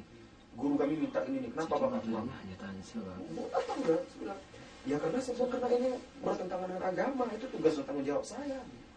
Dan keluarga mereka sudah setuju. Tidak bisa ini maharnya mahal. Bapak harus ganti. Oh, kalau kalau itu yang kalian tuntut saya tidak bisa. Nah karena ini kewajiban saya sebagai saya sebagai ini menjelaskan akidah yang benar ini silakan bapak mau apa tuntut segala macam tuntut di pengadilan. Buktikan. Tidak ada masalah. Ribut cuma dia ngeri juga kan. Tengoknya dinding samurai pedang Shotgun. rumah kan. Ini apa nih pak. Wah itu Petua perang mau pak dingin. Kan azan berkumandang. Ayo kita sholat dulu. Oh kalau gitu kami permisi aja. Nggak mau udah pergi diajak ke masjid. Seperti itu dan pernah waktu itu saya merukiah ada dukun di situ. Bukan merukiah malah. Jadi ada satu keluarga itu sudah dibodoh-bodohi oleh dukun. Satu keluarga. Jadi karena mereka sakit-sakit kan, panggil dukun. Dukun itu laki-laki perempuan sepasang. Oh. Tahunya mereka, mereka tertipu. Setelah akhirnya datang orang itu, Pak, Bu, kami sudah bentengi rumah bapak ini. Sudah kami kirim orang-orang kami. Maksudnya, ya orang-orang itu jin-jinnya. Tetapi eh, supaya ini kuat, bapak harus bayar mahar per kepala satu juta. Di situ ada tujuh orang di rumah itu, satu juta. Nah ada anaknya satu kuliah di Undri. Karena kan biasa orang-orang anak-anak pelajar tidak begitu percaya, tidak langsung percaya kan. Akhirnya mereka kalau gitu nantilah Pak Dukun ya kan.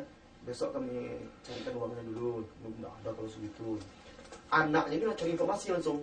Dapat dia telepon saya dari Radio Hidayah. Datang dia minta tolong Ustaz, nih, keluarga kami kayaknya ketipu nih sama dukun. Ini kesian mak saya, ini abang-abang saya gimana terus tolong rukyah rumah saya ah itu nggak perlu dirukyah ini aja. Kapan ada dukun itu datang? Panggil saya. Waktu itu malam-malam ditelepon Ustaz, dukunnya datang ada di sini iya. Langsung ke sana? Enggak Belakang malam. jadi gini saya bilang kan mau dirukyah Pak Ustaz? Kata anak muda. Enggak gini. Kita adakan pengajian tentang tauhid di rumah itu pas dukun itu datang. Oh itu kan ini berat sebelah nanti. Bentar, bentar, ambil dulu alat. Jadi datang kan, waktu saya datang itu semuanya selamat dukun itu dingin kan. Saya duduk di depan. Ayo ayo kumpul kumpul kumpul kumpul. Kumpul kan. Karena udah kumpul semua dukun itu ada kumpul sama emaknya. Emaknya ini kan kagum sama dukun itu. Hmm, biasanya. Gitu orang tua kan. Ayo sini duduk tidak jauh dari saya kan. Kenapa nih? Dia sih dia gitu kan. Langsung semulai kajian masalah tauhid. Syirik itu apa? Kerjasama dengan syaitan itu syirik. Itu dia gelisah itu. Gelisah kan permisi bolak balik. Akhirnya pergi ke dapur. Ke dapur tuh saya terus semakin semangat ya kan. Wah bisa bisa dukun-dukun itu kan. Datang anaknya yang perempuan anak ibu itu ke belakang juga. Mas kan di belakang. Kenapa mas saya itu? Apa kata dia setelah itu cerita? di dapur tuh dia menggigil berkeringat di teleponnya pasangan yang perempuan lagi Oh. di dapur dek tolong iya dek tolong dek abang begini begini itu anjing datang dekat pintu tuh melolong-lolong anjing-anjing datang juga.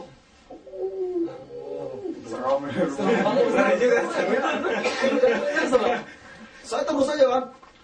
Terus lama kan? Dia menggigil panggilnya dek bantu abang dek. Bantu abang dek. Kan?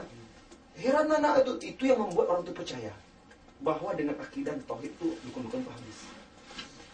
Akhirnya permisi dia pulang langsung. Bu saya permisi dong kami terus kajian setelah itu saya jelaskan lihat tuh orang tuh percaya ibu tuh oh nggak percaya sama dukun.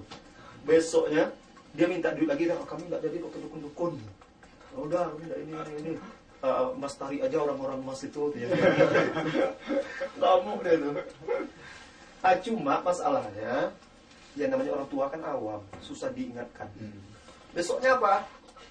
Dia minta juga lagi Pak Ustadz Rukiah aja lah biar kami tenang nih. Rukiah tuh bagus lah Bapak Ibu ini baca Quran sendiri bilang. Bapak Ibu Rukiah tidak sakit akhirnya karena mereka penasaran kan trennya lagi Rukiah waktu Iya. itu Oh iya.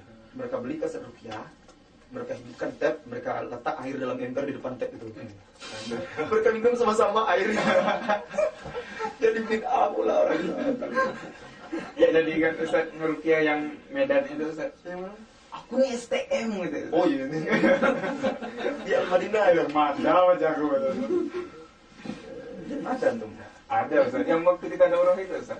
Oh, yang perempuan itu ya? Iya perempuan. rupanya dia tidak kena itu kan besoknya saya Stres, stres. stres rupanya Terus masalah yang tapi dia black magic sama saya kan waktu itu baik dia sama orang itu aja dia ini Iya. bersilat-silat dia kan siapa kau panggil aku ini pada karate snack game aku tidak tahu kau dia yang menyusup itu Bukan. Ustaz, Semua. kalau ini Ustaz, ah, ma- lah, nggak apa-apa lah ya. Kalau kita berzina misalkan, nah, terus kalau sperma janin ah, laki-laki keluar duluan, anaknya apa kalau orgasmenya lebih duluan laki, anaknya akan perempuan karena jadi gimana? kalau di dalam hadis itu bukan dikatakan Ya, ada dua-dua tetapi apabila sperma salah Satu. satunya mengalahkan lebih kuat. Artinya mengalahkan lebih kuat apa namanya sperma itu ada yang kuat ada yang lebih kuat lah. Apa namanya itu? Unggul gitu lebih unggul yang oh bukan orgasmenya duluan itu. Nggak mesti. Walaupun dia orgasmenya duluan belum tentu eh, sperma itu eh, kuat. Ada jenis-jenis sperma itu yang lemah. Bahkan walaupun dia orgasmenya ada sper- sperma itu tidak tidak bisa sampai. Yang mati duluan dia mati duluan karena dia tidak kuat tidak kuat berenang ya kan? Bisa bisa ada kan? Jadi yang dimaksud di situ dia kuat unggul gennya sehingga lebih kuat daripada apa gen wanita. Dalam benar hadis itu dalam hadis ada ada. Makanya faktor genetikal ya Ah, iya. kalau gen yang laki-laki kuat dia mirip dia karakter karakter laki-laki dia, dia- dia- dalam hadis seperti bukan siapa yang keluar duluan disebutnya tapi yang unggul yang lebih kuat. Apabila gholaba gholaba itu kan menang Ah, kan gini, ada satu keluarga anaknya perempuan semua. Terus dia bertanya, siapa yang anak laki-laki? Ya cobalah katanya, kamu orgasmenya dari istrimu duluan katanya. Bukan itu ya? ada orang yang dia ejakulasi dini malah eh, apa namanya eh, kandungan spermanya itu lemah. Ya? Jadi tidak mesti itu Eh, di luar orgasme itu macam-macam. Bisa karena ejakulasi dini ya prematur ejakulasi kan bisa macam-macam. Jadi tidak mesti itu. Yang dimaksud Rasulullah itu kuat dia menang dia. Jadi unggul gennya Berarti kalau misalkan ada mungkin dia lebih sehat lebih apa eh, istrinya daripada dia kan jadi ketika pembuahan lebih unggul itu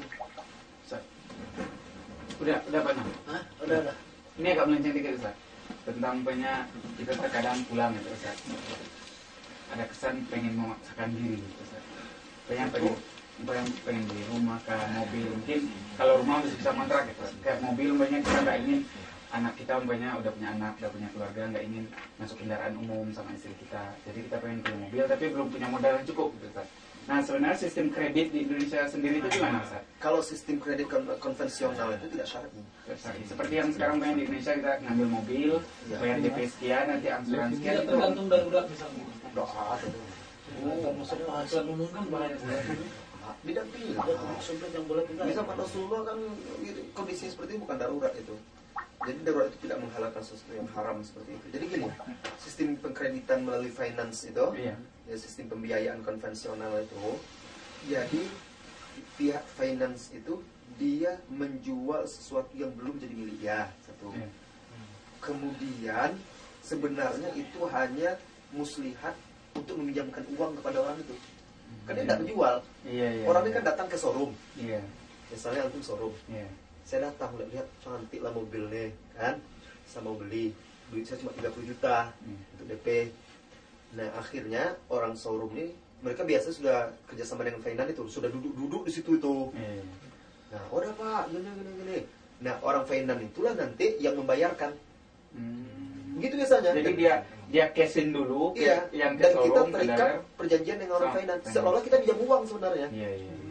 Dan ada ribanya, bunganya. Iya. Oh, Memang ada bunganya. Berarti sistem sekarang di Indonesia itu kita bayar nggak bayar langsung sama dealer berarti Ustaz? Enggak. Lewat finance berarti. Iya. Sama seperti kredit KPR gitu Ustaz. Ya, sama seperti itu. Oh. Nah, akhirnya itu sebenarnya kita tuh pinjam uang sama finance. Dia bayarkan. Iya. Loh, sini loh saya bayarkan sebelikan. Kamu bayar ke Iya. saya aja, diangsur kredit. Betul. Nah, lain. jadi bukan nyicil di dealer gitu. Iya, lain kalau kita misalnya kawan kita punya Kredit. showroom, misalnya suatu saat nanti Rudi punya showroom. Amin. Ya, Showroom apa dulu? Oh iya. showroom sepeda.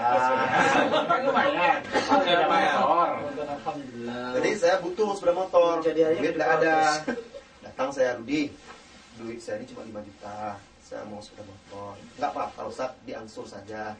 Harganya itu kan eh, 20 juta. Ustaz bayar dulu 5 juta, tinggal 15 juta. Angsurlah selama 2 tahun misalnya. Sebulannya begini. Nggak ada bunga. Jadi tetap saja itu saja yang 15 juta sisa itu dibagi menjadi dua- 24 bulan. Misalnya 2 tahun kan, berapa sisanya itu. Nah, kalau ada keterlambatan pun tidak boleh didenda. Iya. Tetapi bagaimana nanti dia Ustadz nanti lama-lama tidak bayar, enggak kan biasa orang kadang ada saja seperti Iya, itu. Kan ada surat-surat masih sama kita, jaminannya Iya. dijaminkan, suratnya jangan dikasih dulu. Iya. Nanti kalau memang dia tidak sanggup, maka suruh dia jual, tapi jangan ke kita. Hmm. Kalau dia tidak bisa kita bantu menjualkan. Nanti hutangnya dibayar, berlebih kasihkan lagi ke dia, itu punya dia hak dia. Dan kalau di finance itu akadnya, setahu saya itu akadnya itu bukan akad jual beli. Akadnya itu pinjam apa namanya? Pinjam apa? Oh, sewa, sewa.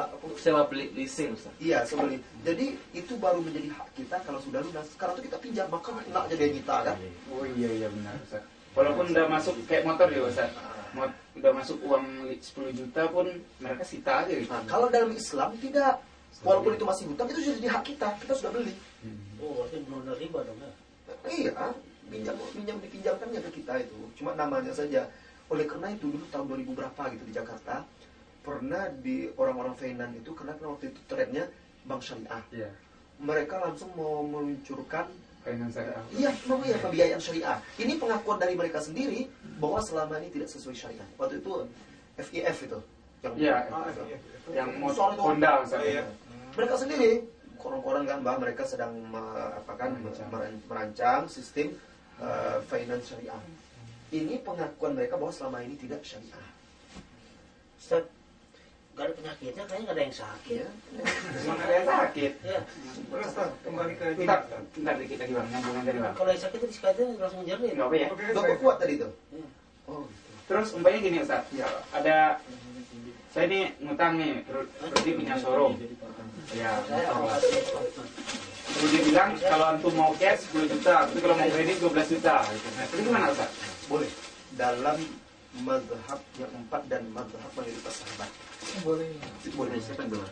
Asal jangan ada bunga. Kayaknya taruh aja yang mengganggu, taruh aja Tapi kan sini. tetap nanti Mau ambil gitu. Konsen. berlebih itu bukan bunga yang jelas kan eh, apa namanya eh, berlebih itu bukan maksudnya kan ketika dia akad ya saya saya ambil yang kredit Nah, yang kredit itu kan 15 juta tapi 19 juta itu aja dibayar tidak ada lebihnya kecuali dia bilang harganya ini 10 juta. 10 juta dia beli eh, 11 juta. Maka ada lebihnya harganya kredit 15 juta tapi dia bayar 15 juta 500 PP 500 lain di akad lain dibayar gitu.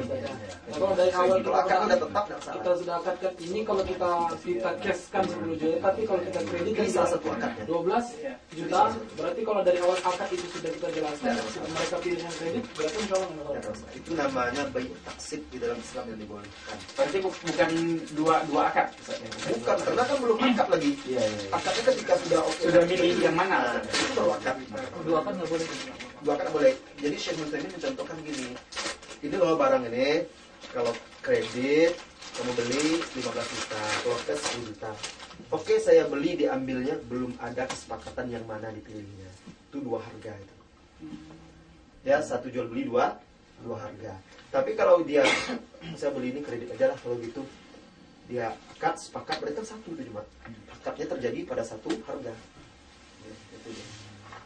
Ya. dalam prosesnya berubah nggak boleh ya Bagaimana proses berubahnya? udah bayar eh ternyata mau langsung beli semuanya ada uang gitu Tidak ada masalah.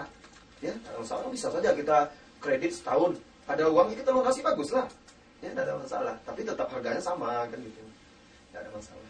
Jadi yang yang terjerat riba itu terjerat hukum riba itu yang pinjam juga sama Ustaz. Hmm? Kan dalam hadis disebutkan akiluhu wa mukiluhu wa syahidaihi wa katibuhu. Orang yang memberi riba, orang yang memakan riba, saksinya dan juru tulisnya. Kena. Apa nggak berlaku hukum dalam keadaan kepeperingan seperti makan babi juga kan? Sebenarnya. Yang makan babi itu kalau tidak ada lagi yang dimakan mati dia. Itu dia kepepet makan babi. Kalau ini juga misalkan ya Masa mati dia kalau tidak naik enggak mati sih, cuman Memaksakan solusinya cuman bisa pinjam uang rentenir Solusi apa gitu? uang Enggak dok, mati dia enggak gitu. enggak Ya enggak, enggak darurat dok. Ya. Dibolehkan makan babi itu kalau dia enggak makan itu mati dia. berarti ini darurat hanya untuk makanan ya Bukan. Misalnya kondisinya, kondisinya. Antum kalau enggak minjam di situ mati antum. Enggak bisa ada cara lain lagi. untuk berobat misalnya ya Untuk berobat, enggak ada cara lain lagi. Kalau enggak itu mati antum gitu. Kalau enggak pakai itu. Hmm. Nah, itu darurat itu. Ah, Terus terus gitu. setelah Sekarang misalnya kan seperti itu. Kita mau bikin rumah, nggak ada atau bikin modal, mau usaha nggak ada lagi. Katakan darurat Ustaz, saya pinjam ke mana-mana, kawan-kawan nggak ada, terpaksa ini. Siapa yang memaksa antum? Modalnya harus segitu?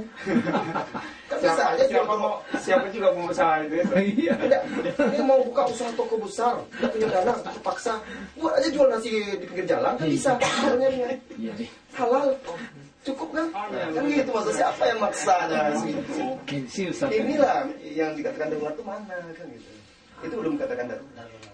Karena kita sebenarnya tanpa itu pun kita masih bisa hidup. Ya bisa cuman ya gini.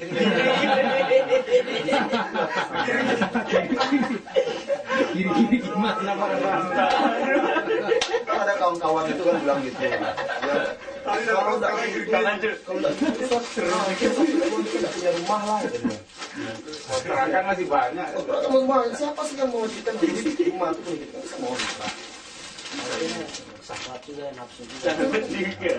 dan pada kenyataannya Subhanallah saya lihat tempat ikhwan yang ada ikhwan itu yang luar biasa itu saya kagum dengan seperti itu jadi dulu dia kan pemadam kebakaran. Itu diolok-olok terus.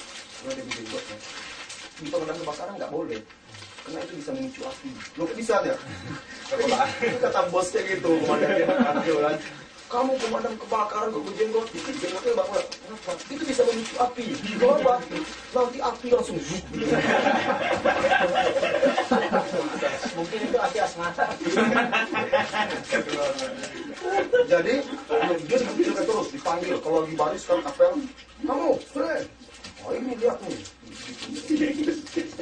Sampai di radio Hidayah, orang bertanya pas kajian saya kan, Ustaz, kami dari pemadam kebakaran baru. Gini, kalau ada orang begini, begini, oh pasti si Anu. nih." Komandannya mah. Akhirnya Ikhwan itu nggak kuat kan, nekat dia. Mau nikah pada hal itu. Jadi dia waktu itu Ustaz gimana Ustaz? Saya kalau berhenti saya mau nikah nih, ayah ini aja nikah dulu setelah itu kalau mau berhenti juga berhenti aja. Padahal dia punya gaji gitu. ya. Setelah nikah seminggu setelah nikah berhenti. Apa dia kerja lagi? Jadi akhirnya ada terkumpul duit dia sedikit kan. Dia punya sepeda motor. Dia buat gerobak eh, apa box kaca setiap hari dia pergi ke pasar beli buah dia jual buah dipotongnya kasih Jikut es, itu ke mana-mana jikut Subhanallah, sekarang udah dua anaknya. Sekarang nanti dia buat ini lagi. Ayam chicken itu, chicken itu di kaki lima, aku di lomba itu. Ah, Ini dia senang menjalankan itu luar biasa. Saya bilang ini saya kagum nah, entah saya sanggup. Kita terpikir seperti itu. Tapi luar biasa dia sabar ulet. Dia tak malu itu. Dari dia gabah tuh pakai semua pemadam kebakaran kan. Sekarang jual pakai gerobak gitu, sudah motokan pergi ke sekolah-sekolah. Nah, seperti itu. Nah, tanya Ustaz terkait dengan ini tentang kegiatan ekonomi ini menarik. Kalau menurut Ustaz, sebenarnya bagi yang misalnya belum dapat kerjaan nih, lebih baik membuka bisnis gitu atau kerja di orang, kerja di kantor gitu. Karena kan kayak Nabi sendiri kan beliau dagang ya Ustaz, Iya. bisnis gitu. Beliau dagang tapi tidak semua sahabat dagang juga ada yang jadi pegawai. Ada yang, jadi itu kembali kepada kemampuan orang itu. Nggak semua orang bisa mendiri. Saya terus terang saya nggak bisa bisnis. Berapa kali saya coba gagal gagal terus. Akhirnya saya punya modal suruh orang jalankan. Alhamdulillah jalan. Kita jadi bos saja gitu. Tapi modal sedikit. Memang bakatnya bos mungkin. Amin. Saya coba abongan. Kenapa? Karena saya orangnya nggak tegaan. Jual baju kan, nggak tega. Ini mahal kan. Ya udah ambil. Dia kamu kan mana untungnya nggak ada. Barang habis, untungnya nggak ada. Nggak tega. Tapi banyak pelanggan, Ustaz. Iya, cuma ada untung. Ya, kayak Abu Zar. Akhirnya udahlah, suruh kawan jalankan. Oh, jalankan aja lah. Oh ya, Ustaz, tadi kembali ke sini. Saudara kita. Bukan kemarin ke laptop. Eh, jadi orang yang misalnya mati karena gara-gara gangguan itu bisa tidak tabrakan atau tidak mana kan itu apa bisa dikategorikan mati yang sekarang Orang yang sakit matinya itu insya Allah ada beberapa jenis kalau dia karena itu tenggelam dia termakan sebenarnya kalau dia tidak sadar itu insya Allah. Bahkan orang yang sakit parah sabar dia mati insya Allah tapi kalau gangguan gara-gara gangguan Iya kan ada sahabat wanita itu sahabat wanita itu yang datang kepada Rasulullah SAW ya Rasulullah saya ini perempuan yang sering kesurupan ya sudah tolong doakan kepada Allah supaya saya sembuh apa kata Rasulullah Oh, Mbak, Bu, kesurupan apa yang sakitnya? Epilepsi. Nggak ada dibilang epilepsi di situ. Oh, orang aja salah terjemahkan disebut di situ innani usra. Usra itu tuh seperti orang kemasukan setan kesurupan. Bukankah orang orang yang kesurupan itu yang imannya lemah? Nggak mesti. Rasulullah aja pernah kena sihir loh. Masa kita katakan imannya lemah? Rasulullah pernah kena sihir. Ya, apa? Sihir itu kan pakai jin. Jadi seolah Rasulullah terbayang sudah melakukan sesuatu dengan keluarganya, istrinya pernah tidak. Sampai seperti itu pengaruhnya. Kesurupan di situ. Jadi orang itu kesurupan. Itu kesurupan itu bahasa Arabnya salah. Dalam hadis lafaznya itu juga. Kalau ada orang terjemahkan epilepsi dari mana? Ya, Loh, berarti kesurupan itu nggak ada hubungannya dengan keimanan, keyak kepercayaan pada Allah. tapi tidak mutlak. Oh. Tidak harus itu saja yang dipakai. Ya, ada. Ya ada orang yang beriman juga kena gangguan jin ada juga. Nah, jadi dia datang apa kata Rasulullah? Insobir Kalau kamu sabar terhadap penyakit ini, kamu dapat surga. Jadi dibuat pilihan. Kalau saya doakan kepada Allah kamu sembuh.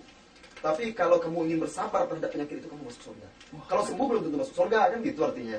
Karena kalau dia sabar terhadap penyakit itu kan pahalanya semakin banyak. Apa pilihan dia? Kalau begitu ya Rasulullah saya akan bersabar. Tapi satu tolong doakan kepada Allah kalau saya lagi kambuh kesurupan, doakan agar saya tetap tertutup. Ya namanya tidak sadar kan, ters- dia takut tersingkap auratnya. Didoakan oleh Rasulullah. Nah, dijamin dia masuk surga. Ada juga datang ibu-ibu anaknya kesurupan kan, datang kepada Rasulullah. Langsung Rasulullah tepuk punggungnya sambil berkata, "Ukhruj ya adu Allah." Keluar wahai Rasulullah, sembuh. Keluar setan itu. Itu bisa di, bisa diamalkan amalan itu. Jin itu takut pada orang yang bertakwa. Nah, ya seperti itu kecil kamu nanti kata dia kan. Tepuk kan. Si bayi Rasulullah kan kemarin Itu kan Jadi cerita ini. Jadi memang tidak semua maksudnya memang semua orang bisa merukyah. Tetapi tidak semua orang yang merugi, cocok untuk itu. Kenapa? Ada orang-orang yang memang punya syakhsiyah, kepribadian kuat, berwibawa, sehingga segak jin itu takut sama dia. Sama kayak manusia juga berarti Ustaz. Iya. Sama seperti itu. Di Madinah itu ada anak Suriname kesurupan. Orang Jawa. Suriname itu kan dari dulu Jawa. Saya sekelas orang Suriname nama Suriname namanya Ngabdur Rahman. Dia tulisnya gitu. Bahasa bahasa Jawa. Tinggalnya di Suriname sana. Dulu nggak tahu dia Jawa itu di mana Indonesia di mana. Nggak tahu dia. Kan bahasa Jawa ya. Iya, bahasa Jawa. Piye kabarnya? Namanya Iya, Suriname. Iya. pakai wayang pakai di situ. Nah, ditulis itu kan namanya di absen Ngabdur Rahman, ngap tulisannya. Jadi ada anak tulisan. Jibnya bahasa Jawa pula. itu yang merupakan waktu minta tolong itu Syekh ya. Tafsir Syekh Mus'ab namanya. Dia nggak bisa. Masa nggak bisa itu? Pikirnya jauh-jauh aja. Dan terus akhirnya mengukir mahasiswa. Ya, alhamdulillah satu tahun prosesnya. Sampai lumpuh dia itu. yang kesurupan itu Iya. Lumpuh dia. Dan alhamdulillah setelah setahun sembuh. Rukyah terus. Jadi. Jadi bukan berarti mentang-mentang dia berilmu bisa merukyah. Jadi kenapa? Mungkin dia berilmu tapi dia kurang kuat ke- kepribadiannya kan. Nah, Ada orang-orang yang biasa asal bacaan Qurannya bagus, dia terjaga dari maksiat, malah dia bisa mengintimidasi jin itu. Kau keluar atau tidak? Gitu wajar kau gitu kan maksudnya dengan Al-Quran ada orang baca Quran tuh kan tidak betul merukyah ketawa aja dulu kan bacaan kau salah dari muslim. Ya itu muslim. Ya. Tahu dia baca Quran. Oh, jin muslim juga bisa masuk ke mana? Ya, karena ada manusia yang jahat kan juga ada yang Islam. Islam yang jahat kan ada juga. Kadang penyebab masuk jin itu dia terganggu. Orang kan tidak tahu terganggu tempat tinggal dia tersakiti. Atau suka dia jatuh cinta misalnya sama Pak Anwar Jepang Lan bisa kan Yuko dirasukinya kan Itu Pengen tulis Rasulullah ketawa. pernah mencekik jin. Ya. Itu memang postur tubuhnya kecil sih gitu, secara johir. Ah, memang kalau dicekik itu kecil ya kalau besar juga bisa dicekik kok Wah itu kayaknya perbedaannya kecil ya. dari mana kecil Orang kecekik, kan kanan kiri kan cekiknya. ya sama seperti misalnya saya cekik. Ini bisa enggak nih. Orang yang lebih tinggi Yalah kalau gede misalkan kan. Rasulullah bukan begini ngelurkan tangannya ke depan. Itu nggak nggak digambarkan berapa tingginya. Ifrit itu. Ifrit itu termasuk bangsa jin yang paling kuat. Perkasa Jadi Ustaz Ifrit itu nama kaum, oh kaum juga Ustaz. Ya? Bukan satu orang Ustaz. ya? Jadi bangsa jin Ifrit itu terkenal perkasa. Jadi di zaman Nabi Sulaiman kan di surat An-Naml itu waktu Nabi Sulaiman ingin memindahkan Arsh Balqis itu dari Yaman ke negeri dia apa kata Ifrit itu? Qala ifritu minal jin. Ana atihi min qabli an taquma min maqami hai raja Sulaiman saya akan bisa memindahkan singgasana itu sebelum engkau berdiri dari tempat duduk dari singgasana. Tapi ternyata manusia lebih hebat lagi ilmunya. Nah, setelah itu waqala lagi uh, dan berkata orang yang Allah berikan ilmu pada dia. Nah apa kata dia? Ana atihi min qabli an yartadda tarfuk biar saya anu kan saya pindahkan sebelum berkedip matamu belum berkedip mata Nabi Sulaiman lagi muncul langsung. Pakai ilmu apa? Tidak dia berdoa pada Allah. Itu bisa dikatakan mujizat nggak apa? Kemujizat untuk Nabi. Karomah. karomah. Dia berdoa pada Allah. Nah ya Allah yang pindahkan. Dengan kekasaannya kan? Kalau jin memang dia yang ngangkat makanya tidak bisa secepat itu. Jin itu bisa terbang Oh ya Ustaz, ada pertanyaan ini Ustaz. ya Eh, dan merukyah itu justru ada orang merukyah merukyah itu tidak ada sunnah mengajarkan harus banyak berdialog dengan jin. Tugas kita hanya membantu saudara kita muslim yang kesurupan ini dan suruh jinnya keluar. Tidak ada siapa nama kamu dari mana asal kamu laki-laki perempuan berapa jumlah kamu di dalam. Karena kita tidak bisa percaya sama dia jadi ada tukang-tukang rukyah tuh bangga dia kan oh hebat seribu jin keluar dari situ.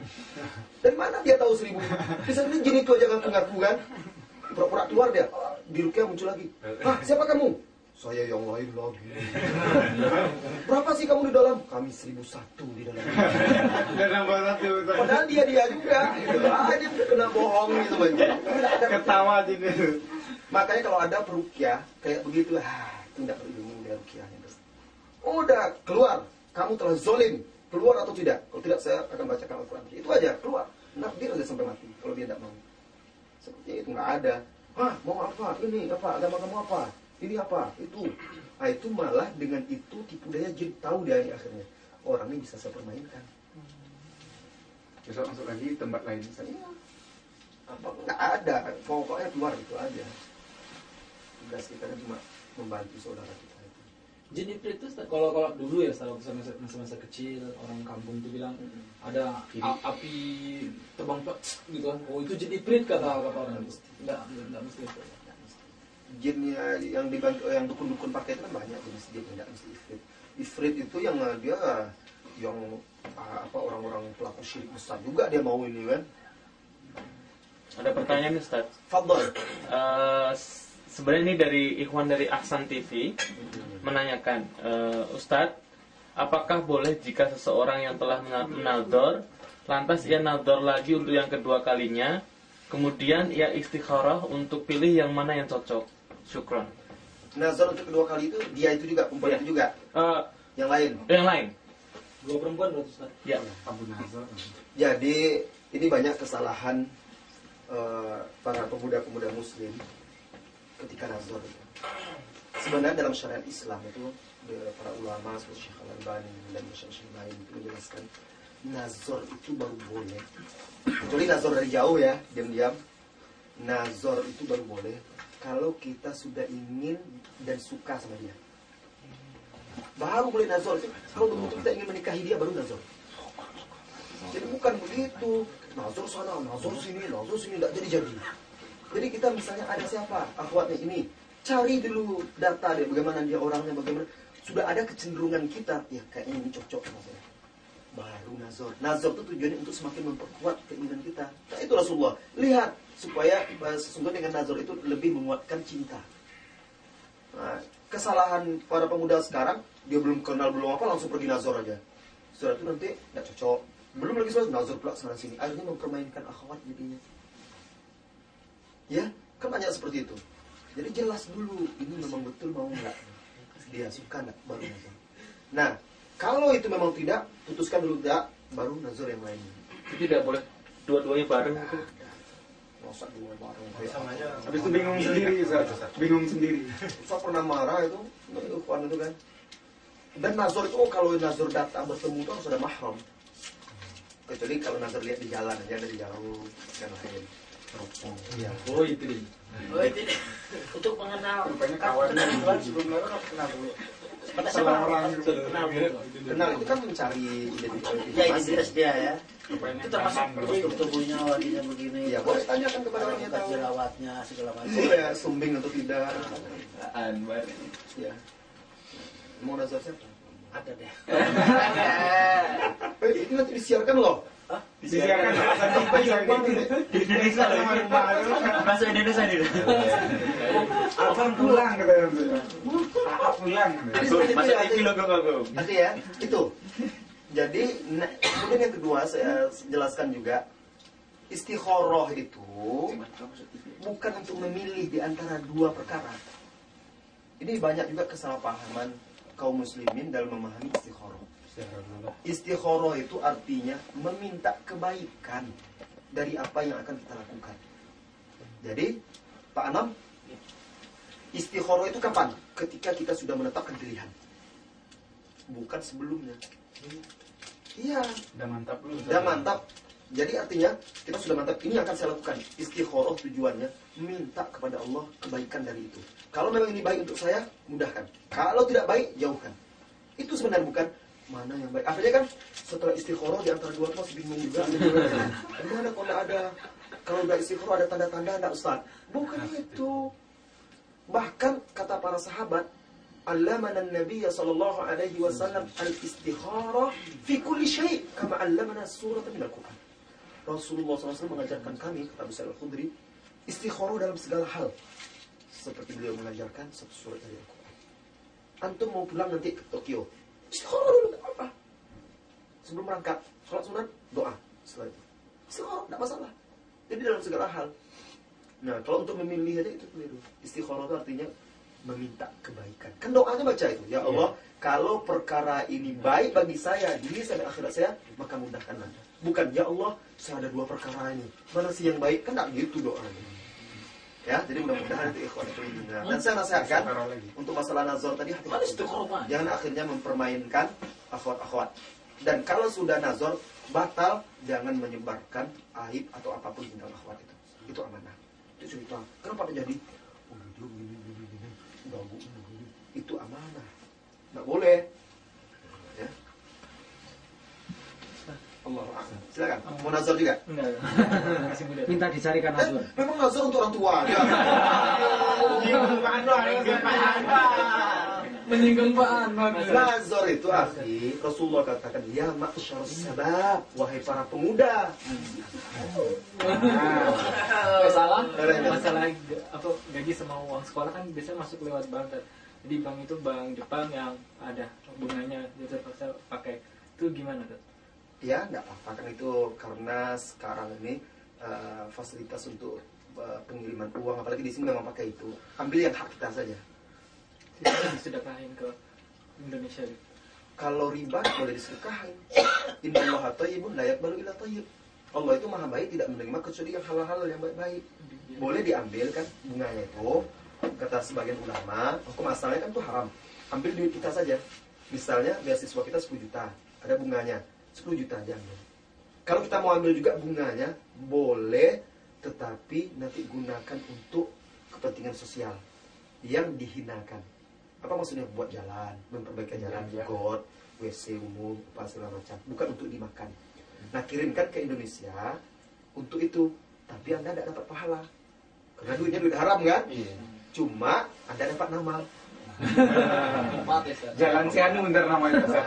Jalan ngecor jalan sangat. ya ngecor jalan Jalan got, Faisal, jalan nah. kita bantu tidak apa-apa ya tidak apa-apa misalnya antum punya lebih Ustaz kan ada dua riba kita salurkan nanti di jalan di Pekanbaru kan banyak masih jalan bolong-bolong Bolong. Untuk masjid untuk masjid nggak boleh Ustaz Nggak boleh itu untuk fasilitas ibadah. Sedangkan orang Quraisy yang kafir aja dulu ketika Ka'bah runtuh, mereka mensyaratkan untuk membangun Ka'bah itu harus dari duit yang halal. Tidak boleh ada riba dan segala macam. Makanya Hijr Ismail itu keluar. Sebenarnya Hijr Ismail itu kan masuk dalam Ka'bah. Tapi waktu itu dana mereka kurang. Jadi kecil Ustaz. memang kebiasaan kalau ngikut apa kayak bungko apa mirip-mirip sholat itu Ustaz. itu dilakukan sesama manusia boleh nggak kayak mana? Kayak di Jepang ini sholat bungko Oh, itu iya. sama Oh. kalau misalkan ada sampai- karate itu malah Oh, di Iya, karate. kayak Aikido juga sujud dia kan. itu Nggak boleh. Haram sujud, ruku hanya boleh kepada Allah Subhanahu wa taala. Batasan men- menyerupai ruku itu seperti apa Ustaz? Ruku ya seperti itu ruku kan. Yang sempurna seperti ini Ustaz. Iya. Kalau orang Jepang sangat hormat itu bisa sampai seperti ini. Iya. Tapi boleh. kalau kalau biasa tuh cuma segini aja Ustaz. Itu gimana Ustaz? 15 derajat, 30 derajat. gitu. Cuma cuma segini aja gitu atau Eh, kalau sekedar mengganggu apa gitu tidak masalah tapi sebenarnya ya Rasulullah SAW melarang kita meniru ucapan salam orang-orang kafir. Jadi Rasulullah melarang eh, mengucapkan salam dengan tangan dengan anggukan kepala. Kecuali kalau jauh atau orang itu tidak mengerti maksud kita. Itu boleh. Ya itu boleh. Nah kalau orang itu memang tidak mengerti boleh ngangguk boleh semua. Membalas anu dia kan dia kan. Tapi jangan sampai membungkuk. Ya jangan sampai membungkuk. Itu ngangguk dia ngangguk juga kita tidak ada masalah. Kan tidak sampai ruku Salamnya gimana dong Pak Ustaz? salam ini salam biasa tidak ada masalah kalau salam jabat tangan biasa Kalau umpamanya untuk ucapan salam sehari-hari Ustaz, gimana Ustaz? biar mereka dulu memberikan salam Oh, konnichiwa gitu segala macam. tidak masalah itu kan bukan apa namanya bukan tidak doa Nah, gitu. sos- sosial ya. Oh yang maksudnya mereka duluan itu salam yang berupa doa ya Ustaz? sama yang lainnya juga ucapan-ucapan Kayak selamat siang, selamat anu itu juga jangan mendahului ya ya. selamat pagi biar aja mereka dulu Hmm. setelah itu kita balas silakan Nang, nangkap apa? burung. Mau nanya Ustaz, ini kalau misalnya jam kerja itu kan 8 jam. Terus kita pakai cuma 4 jam. 4 jam lagi istirahat. Terus kita kita kan kerja pakai target Ustaz. Misalnya 5000 gitu dicetak. Dalam 4 jam itu kita berhasil cetak 5000 4 jamnya itu kita istirahat boleh kalau diizinkan oleh perusahaan nggak masalah. Ini nggak tahu orang perusahaan? Kalau orang perusahaan nggak tahu ini. Ya kita izin lah sama perusahaan. Oh. karena itu kita jam wajib kerja masih kan. Mm-mm. artinya kita itu kan sudah terikat perjanjian kita digaji dengan kerja dari jam sekian sampai jam jam sekian sekian.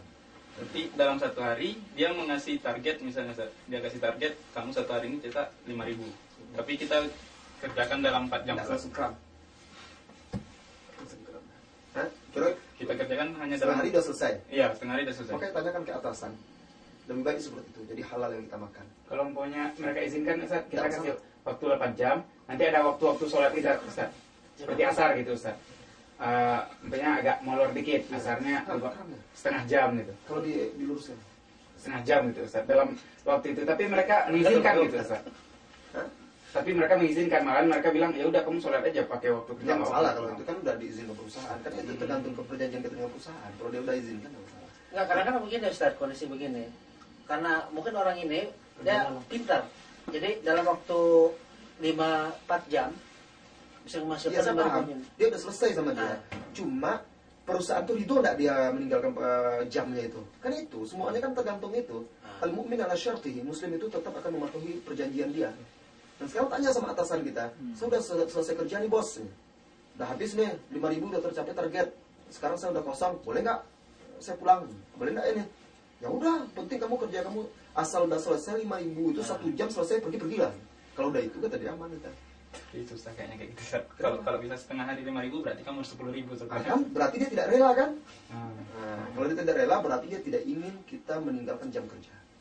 Berarti Karena jangan diselesaikan. Boleh, boleh jangan melalaikan. diselesaikan Kalau 4 jam gitu berarti. 5 ribu aja sampai pagi, eh sampai sore. Nah, apa yang penting jam target kita kan dia pokoknya yang penting satu hari lima lima ribu. Ya, Jadi, satu hari. ya. Tapi dia setengah hari bisa menyelesaikan target itu. Ya udah selesai, targetnya selesai tapi jam kerja belum berakhir. Ah mantap lah dia itu. Ya. Kita ini Ustaz, jam kerja kita emang kita nggak pulang Ustaz, tapi tetap di tempat kerja gitu Ustaz. gimana Nongkrong. Nong, duduk gitu istirahat Tapi pulang tapi tidur. itu soalnya tadi kan kita Karena memang tidak ada pekerjaan lagi kan? Iya. Tidak masalah tapi kita tidak meninggalkan meninggalkan. tidak meninggalkan tempat kerja Ustaz. Tidak Cuman tadi kan soalnya itu sebenarnya ada jam istirahat tapi kita hajar terus 4 jam biar selesai gitu. Iya. Ya namanya tidak ada pekerjaan lagi ngapain duduk-duduk juga situ. Tapi kita tidak meninggalkan Tidak meninggalkan pekerjaan. tempat pekerjaan. Iya, artinya kita masih di situ. Iya, masih di situ. Kalau absen pun kita ada di situ kan? Iya. Masalah. Kita kita sudah selesai. Tapi kalau kita tinggalkan, kan tadi itu. Kalau kamu bisa sekian, kerjakan yang lebih dong, gitu. jangan pergi aja. Hmm. Tapi sebenarnya kalau kita sudah selesai, istirahat di situ kan tidak dimasalahkannya. Dimasalahkannya enggak. Kalau kalau ada mungkin dimasalahkan Ustaz. Kenapa kamu duduk-duduk aja? Kenapa gitu? kamu duduk nggak cetak aja terus gitu kan? Kan kamu udah bilang udah selesai gitu. Itu Udah selesai paling pasti lah cetak lebih banyak kan lebih bagus katanya Oh, kalau bagus. semakin semakin lama kerja semakin banyak cetak gitu. Ya, kalau mau mengerjakan lagi silakan, tapi kita sesuai dengan syarat pertama. Syarat kita kan kesepakatan satu hari ya satu 8 jam kerja kita mencetak 5000 Iya. Itu yang wajib kita lakukan. Dan dia pun tidak boleh memaksa kita. Hmm. Kamu udah selesai 5000 tambah dong. Loh, kesepakatan pertama kan sudah ada. Nah, sebagaimana kita amanah menjaga perjanjian dia juga harus punya komitmen. Kalau tidak dia memperbudak kita. Zalim namanya itu. Membebani seorang melebihi. Ada dari apa? Bisa 5000 Enggak, Tambah ada sepuluh ribu. Kalau sepuluh ribu tambah enggak gajinya dia? Enggak. Nggak boleh dia di situ. Kalau dia mau memaksa kita nambah lagi jadi sepuluh ribu, dia harus nambah gaji. Lagi. Ya Ustaz, eh, eh, Enggak ada akhwat bertanya? belum. Pertanyaan dari saya Ustaz, eh, ke- hmm, kebanyakan dari ya kita kita saya mendengar mendengar dari teman-teman kasus saya maupun yang sudah bekerja atau mahasiswa di sini itu eh, dan juga ini salah satu apa namanya rayuan dari salah satu yang di sini Ustaz bahwa untuk marilah kita nikahi perempuan Jepang atau eh, pria Jepang untuk menyebarkan Islam ini Ustaz. Jadi eh, apa namanya? Jadi kita niatnya untuk mengislamkan mereka Ustaz. Jadi mereka dengan cara menikahi mereka. Apakah itu diperbolehkan Ustaz? Hah? Apa? Jadi nggak ada. Kita itu berdakwah mengajak orang itu, mengajak orang Nasrani itu harus orang yang berilmu, ya kan? Artinya apa? Jangan nanti nikahilah untuk mengajak mereka masuk Islam. Rupanya dia pula yang mengikut orang Jepang tuh akhirnya. Ya, malah jadi kufur pula nanti jauh dari agama Allah. Itu dakwah yang tidak benar itu. Ya, dakwah yang tidak benar. Orang itu akhirnya masuk Islam hanya karena ingin menikah menikah saja. Dakwahi dia dulu masuk Islam dia. Betul-betul Islamnya nikah salah sekarang. Siapa yang menjamin dia Islam di tempat ya malah itu bisa bisa akhirnya merusak wanita-wanita muslimah kenapa karena anak kan ikut suami biasanya ikut eh, laki-laki sering kalau di Indonesia kan gitu tuh masuk Islam dia orang Buddha orang Cina itu karena ingin menikah. Karena itu dia cuek aja akhirnya balik juga ke agamanya lagi. Dibawanya anaknya lagi. Nah, jadi itu tidak benar soal dakwah-dakwah seperti itu. Kewajiban kita itu berdakwah kepada dia menyampaikan Islam bukan menikahi. Berdakwah itu bukan dengan menikah aja. Ya? Ini nggak benar kalau ada dakwah itu dakwah orang-orang yang tidak berilmu. Rasulullah mana waktu itu? Wah kalian nikah dengan orang-orang masuk orang ini orang pas supaya mereka masuk Islam. Tidak Rasulullah kan Al-Quran bahkan mengatakan wala amatum mu'minatun khairum min musyrikah walau ajabat ya seorang mukminah yang budak jelek waktu dia beriman ya lebih baik daripada musyrikah yang jauh menarik mereka kaya Kenapa nih kata dia? Oh, dia kaum Jadi kalau di sini Di mana ada? Iya, udah setengah sebelas. Ya, jadi seperti itu. Kalau ada yang mengatakan seperti itu tidak benar, itu malah menyesatkan itu. Yang berdakwah itu orang yang berilmu. Kalau udah menyatakan itu kan salah satu cara untuk berdakwah. Iya, kita- tapi harus ada ilmu. Dia menikah itu supaya itu masuk Islam. Bisa dia mengajarkan Islam kepada dia. Siap dia untuk membimbing itu. Kan itu. Karena kalau dia tidak siap, dia akan dibimbing oleh orang Jepang itu nanti. Malah-malah bisa jadi kafir nanti akhirnya. Tenggelam dalam kehidupan dunianya. Kalau dia memang sanggup mempertahankan agamanya, bisa dia akan bisa mengajak insya Allah. Silakan. Tapi kalau perempuan saya katakan, jadi ada ini murid dekat Ali bin Abi Thalib. Jadi minta izin dia ingin pergi ke markas Khawarij. Ingin mendakwahi mereka. Di Haruriyah itu. Kampung Haruriyah itu. Nah salah seorang da'i Khawarij itu perempuan. Sepupu dia. Pintar, cerdas. Pergilah dari situ berdebat dengan perempuan itu. Akhirnya menikah dia dengan perempuan itu jadi Khawarij dia. Bahkan ketika Ali dibunuh, radhiyallahu anhu oleh Khawarij dipujinya pembunuh Ali. Thalib. ingin berdakwah pada orang itu nikah dengan perempuan Khawarij. Jadi Khawarij dia. Jadi bukan semua orang yang berdakwah itu. Ya, itu kan salah satu cara dakwah.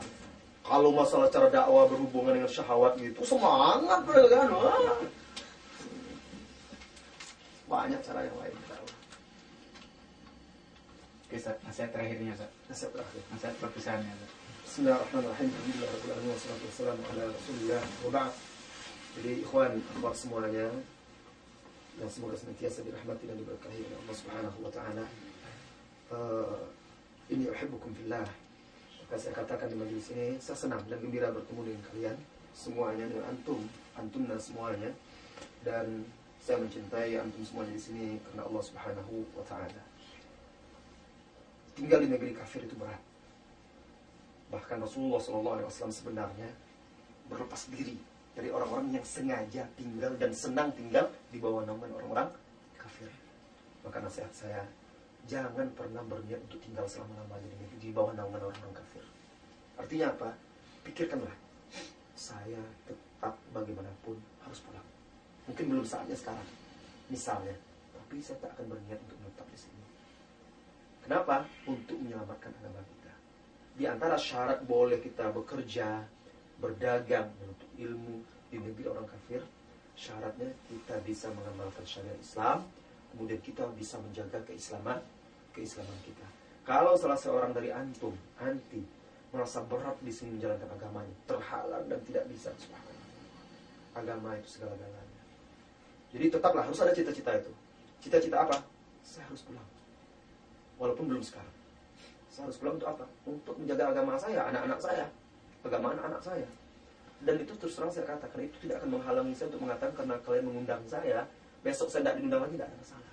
Tapi tetap saya katakan Rasulullah berlepas diri. Maka harus ada cita-cita itu. Apa? Saya insya Allah akan bertekad berusaha untuk bisa tinggal di negeri kaum muslimin. Sekarang saya bekerja di sini ya lah. Saya masih terikat kontrak. Saya akan cari modal saya. Suatu saat saya akan pulang. Saya belajar di sini bagus mudah-mudahan ilmu saya bisa bermanfaat untuk kaum kaum muslimin. Tapi saya tidak pernah berniat untuk tinggal tinggal di sini. Bisa jadi belajar kita kan? Itu niat kita mudah-mudahan niatkan itu untuk manfaat. Bekerja kita niatkan untuk memudahkan kita untuk modal kita mencari nafas setelah di negeri nanti. Jangan pernah kalau antum-antum memikir saya pulang nanti gaji saya di sana sedikit, di sini besar. ngapain saya di kampung saya subhanallah apa kata orang dulu hujan batu di kampung sendiri lebih baik daripada hujan emas di orang tapi kita tidak bisa beribadah dengan baik dan benar. Betul? Nah jadi lebih baik seperti itu. Terus niatkan dan terus jaga persatuan. Kawan semuanya. Tidak bisa kita mengundang ustaz-ustaz kumpul juga tetap mungkin buat jadwal kumpul rutin. Alhamdulillah katanya sering ya tidak gitu. Setidaknya baca buku sering nasihat nasihati acara-acara yang mempererat ukhuwah Islamiyah kita dan harus saling bahu membahu. Kita nampak ikhwan kita ada keluarganya yang lemah bantu. Lemah di sini bukan lemah harta kalau di sini tapi di sini. Nah, bantu dia. Istri kita tolong istri kawan kita itu dia agak fitur kunjungi ajak nasihati akrab dengan dia. Ini juga upaya kita untuk menjaga agama kita. Kan sangat sayang kita. Kita bekerja di sini digaji orang kafir agama kita rupanya berubah nanti. Lama-lama mulai tidak sholat. Ya kasih dunia saja kan sayang. Kalau perlu agama kita tetap dan menabunglah menabung suatu saat saya pulang saya akan buka usaha mandiri dan keluarga saya. Anak saya bisa saya biayai didik dan segala macam. Saya yakin siapa pun ustaz-ustaz salafin yang antum undang pasti mereka akan menasihati seperti ini. Kenapa karena itu agama. Dan kami tidak datang untuk mencari nafkah. Kami datang untuk sama-sama kita menegakkan agama agama itu saja mudah-mudahan kalau memang itu insya Allah kalian istiqomah kami juga istiqomah dan mudah-mudahan kita bertemu lagi tidak di dunia di surga Allah Subhanahu wa taala. Terima kasih untuk teman semuanya atas sambutan dan juga layanannya selama di sini. Nabiyina Muhammad walhamdulillahirabbil alamin. Subhanakallahumma wa bihamdika asyhadu an la ilaha illa anta astaghfiruka wa atubu ilaik. Assalamualaikum warahmatullahi wabarakatuh. Waalaikumsalam warahmatullahi wabarakatuh.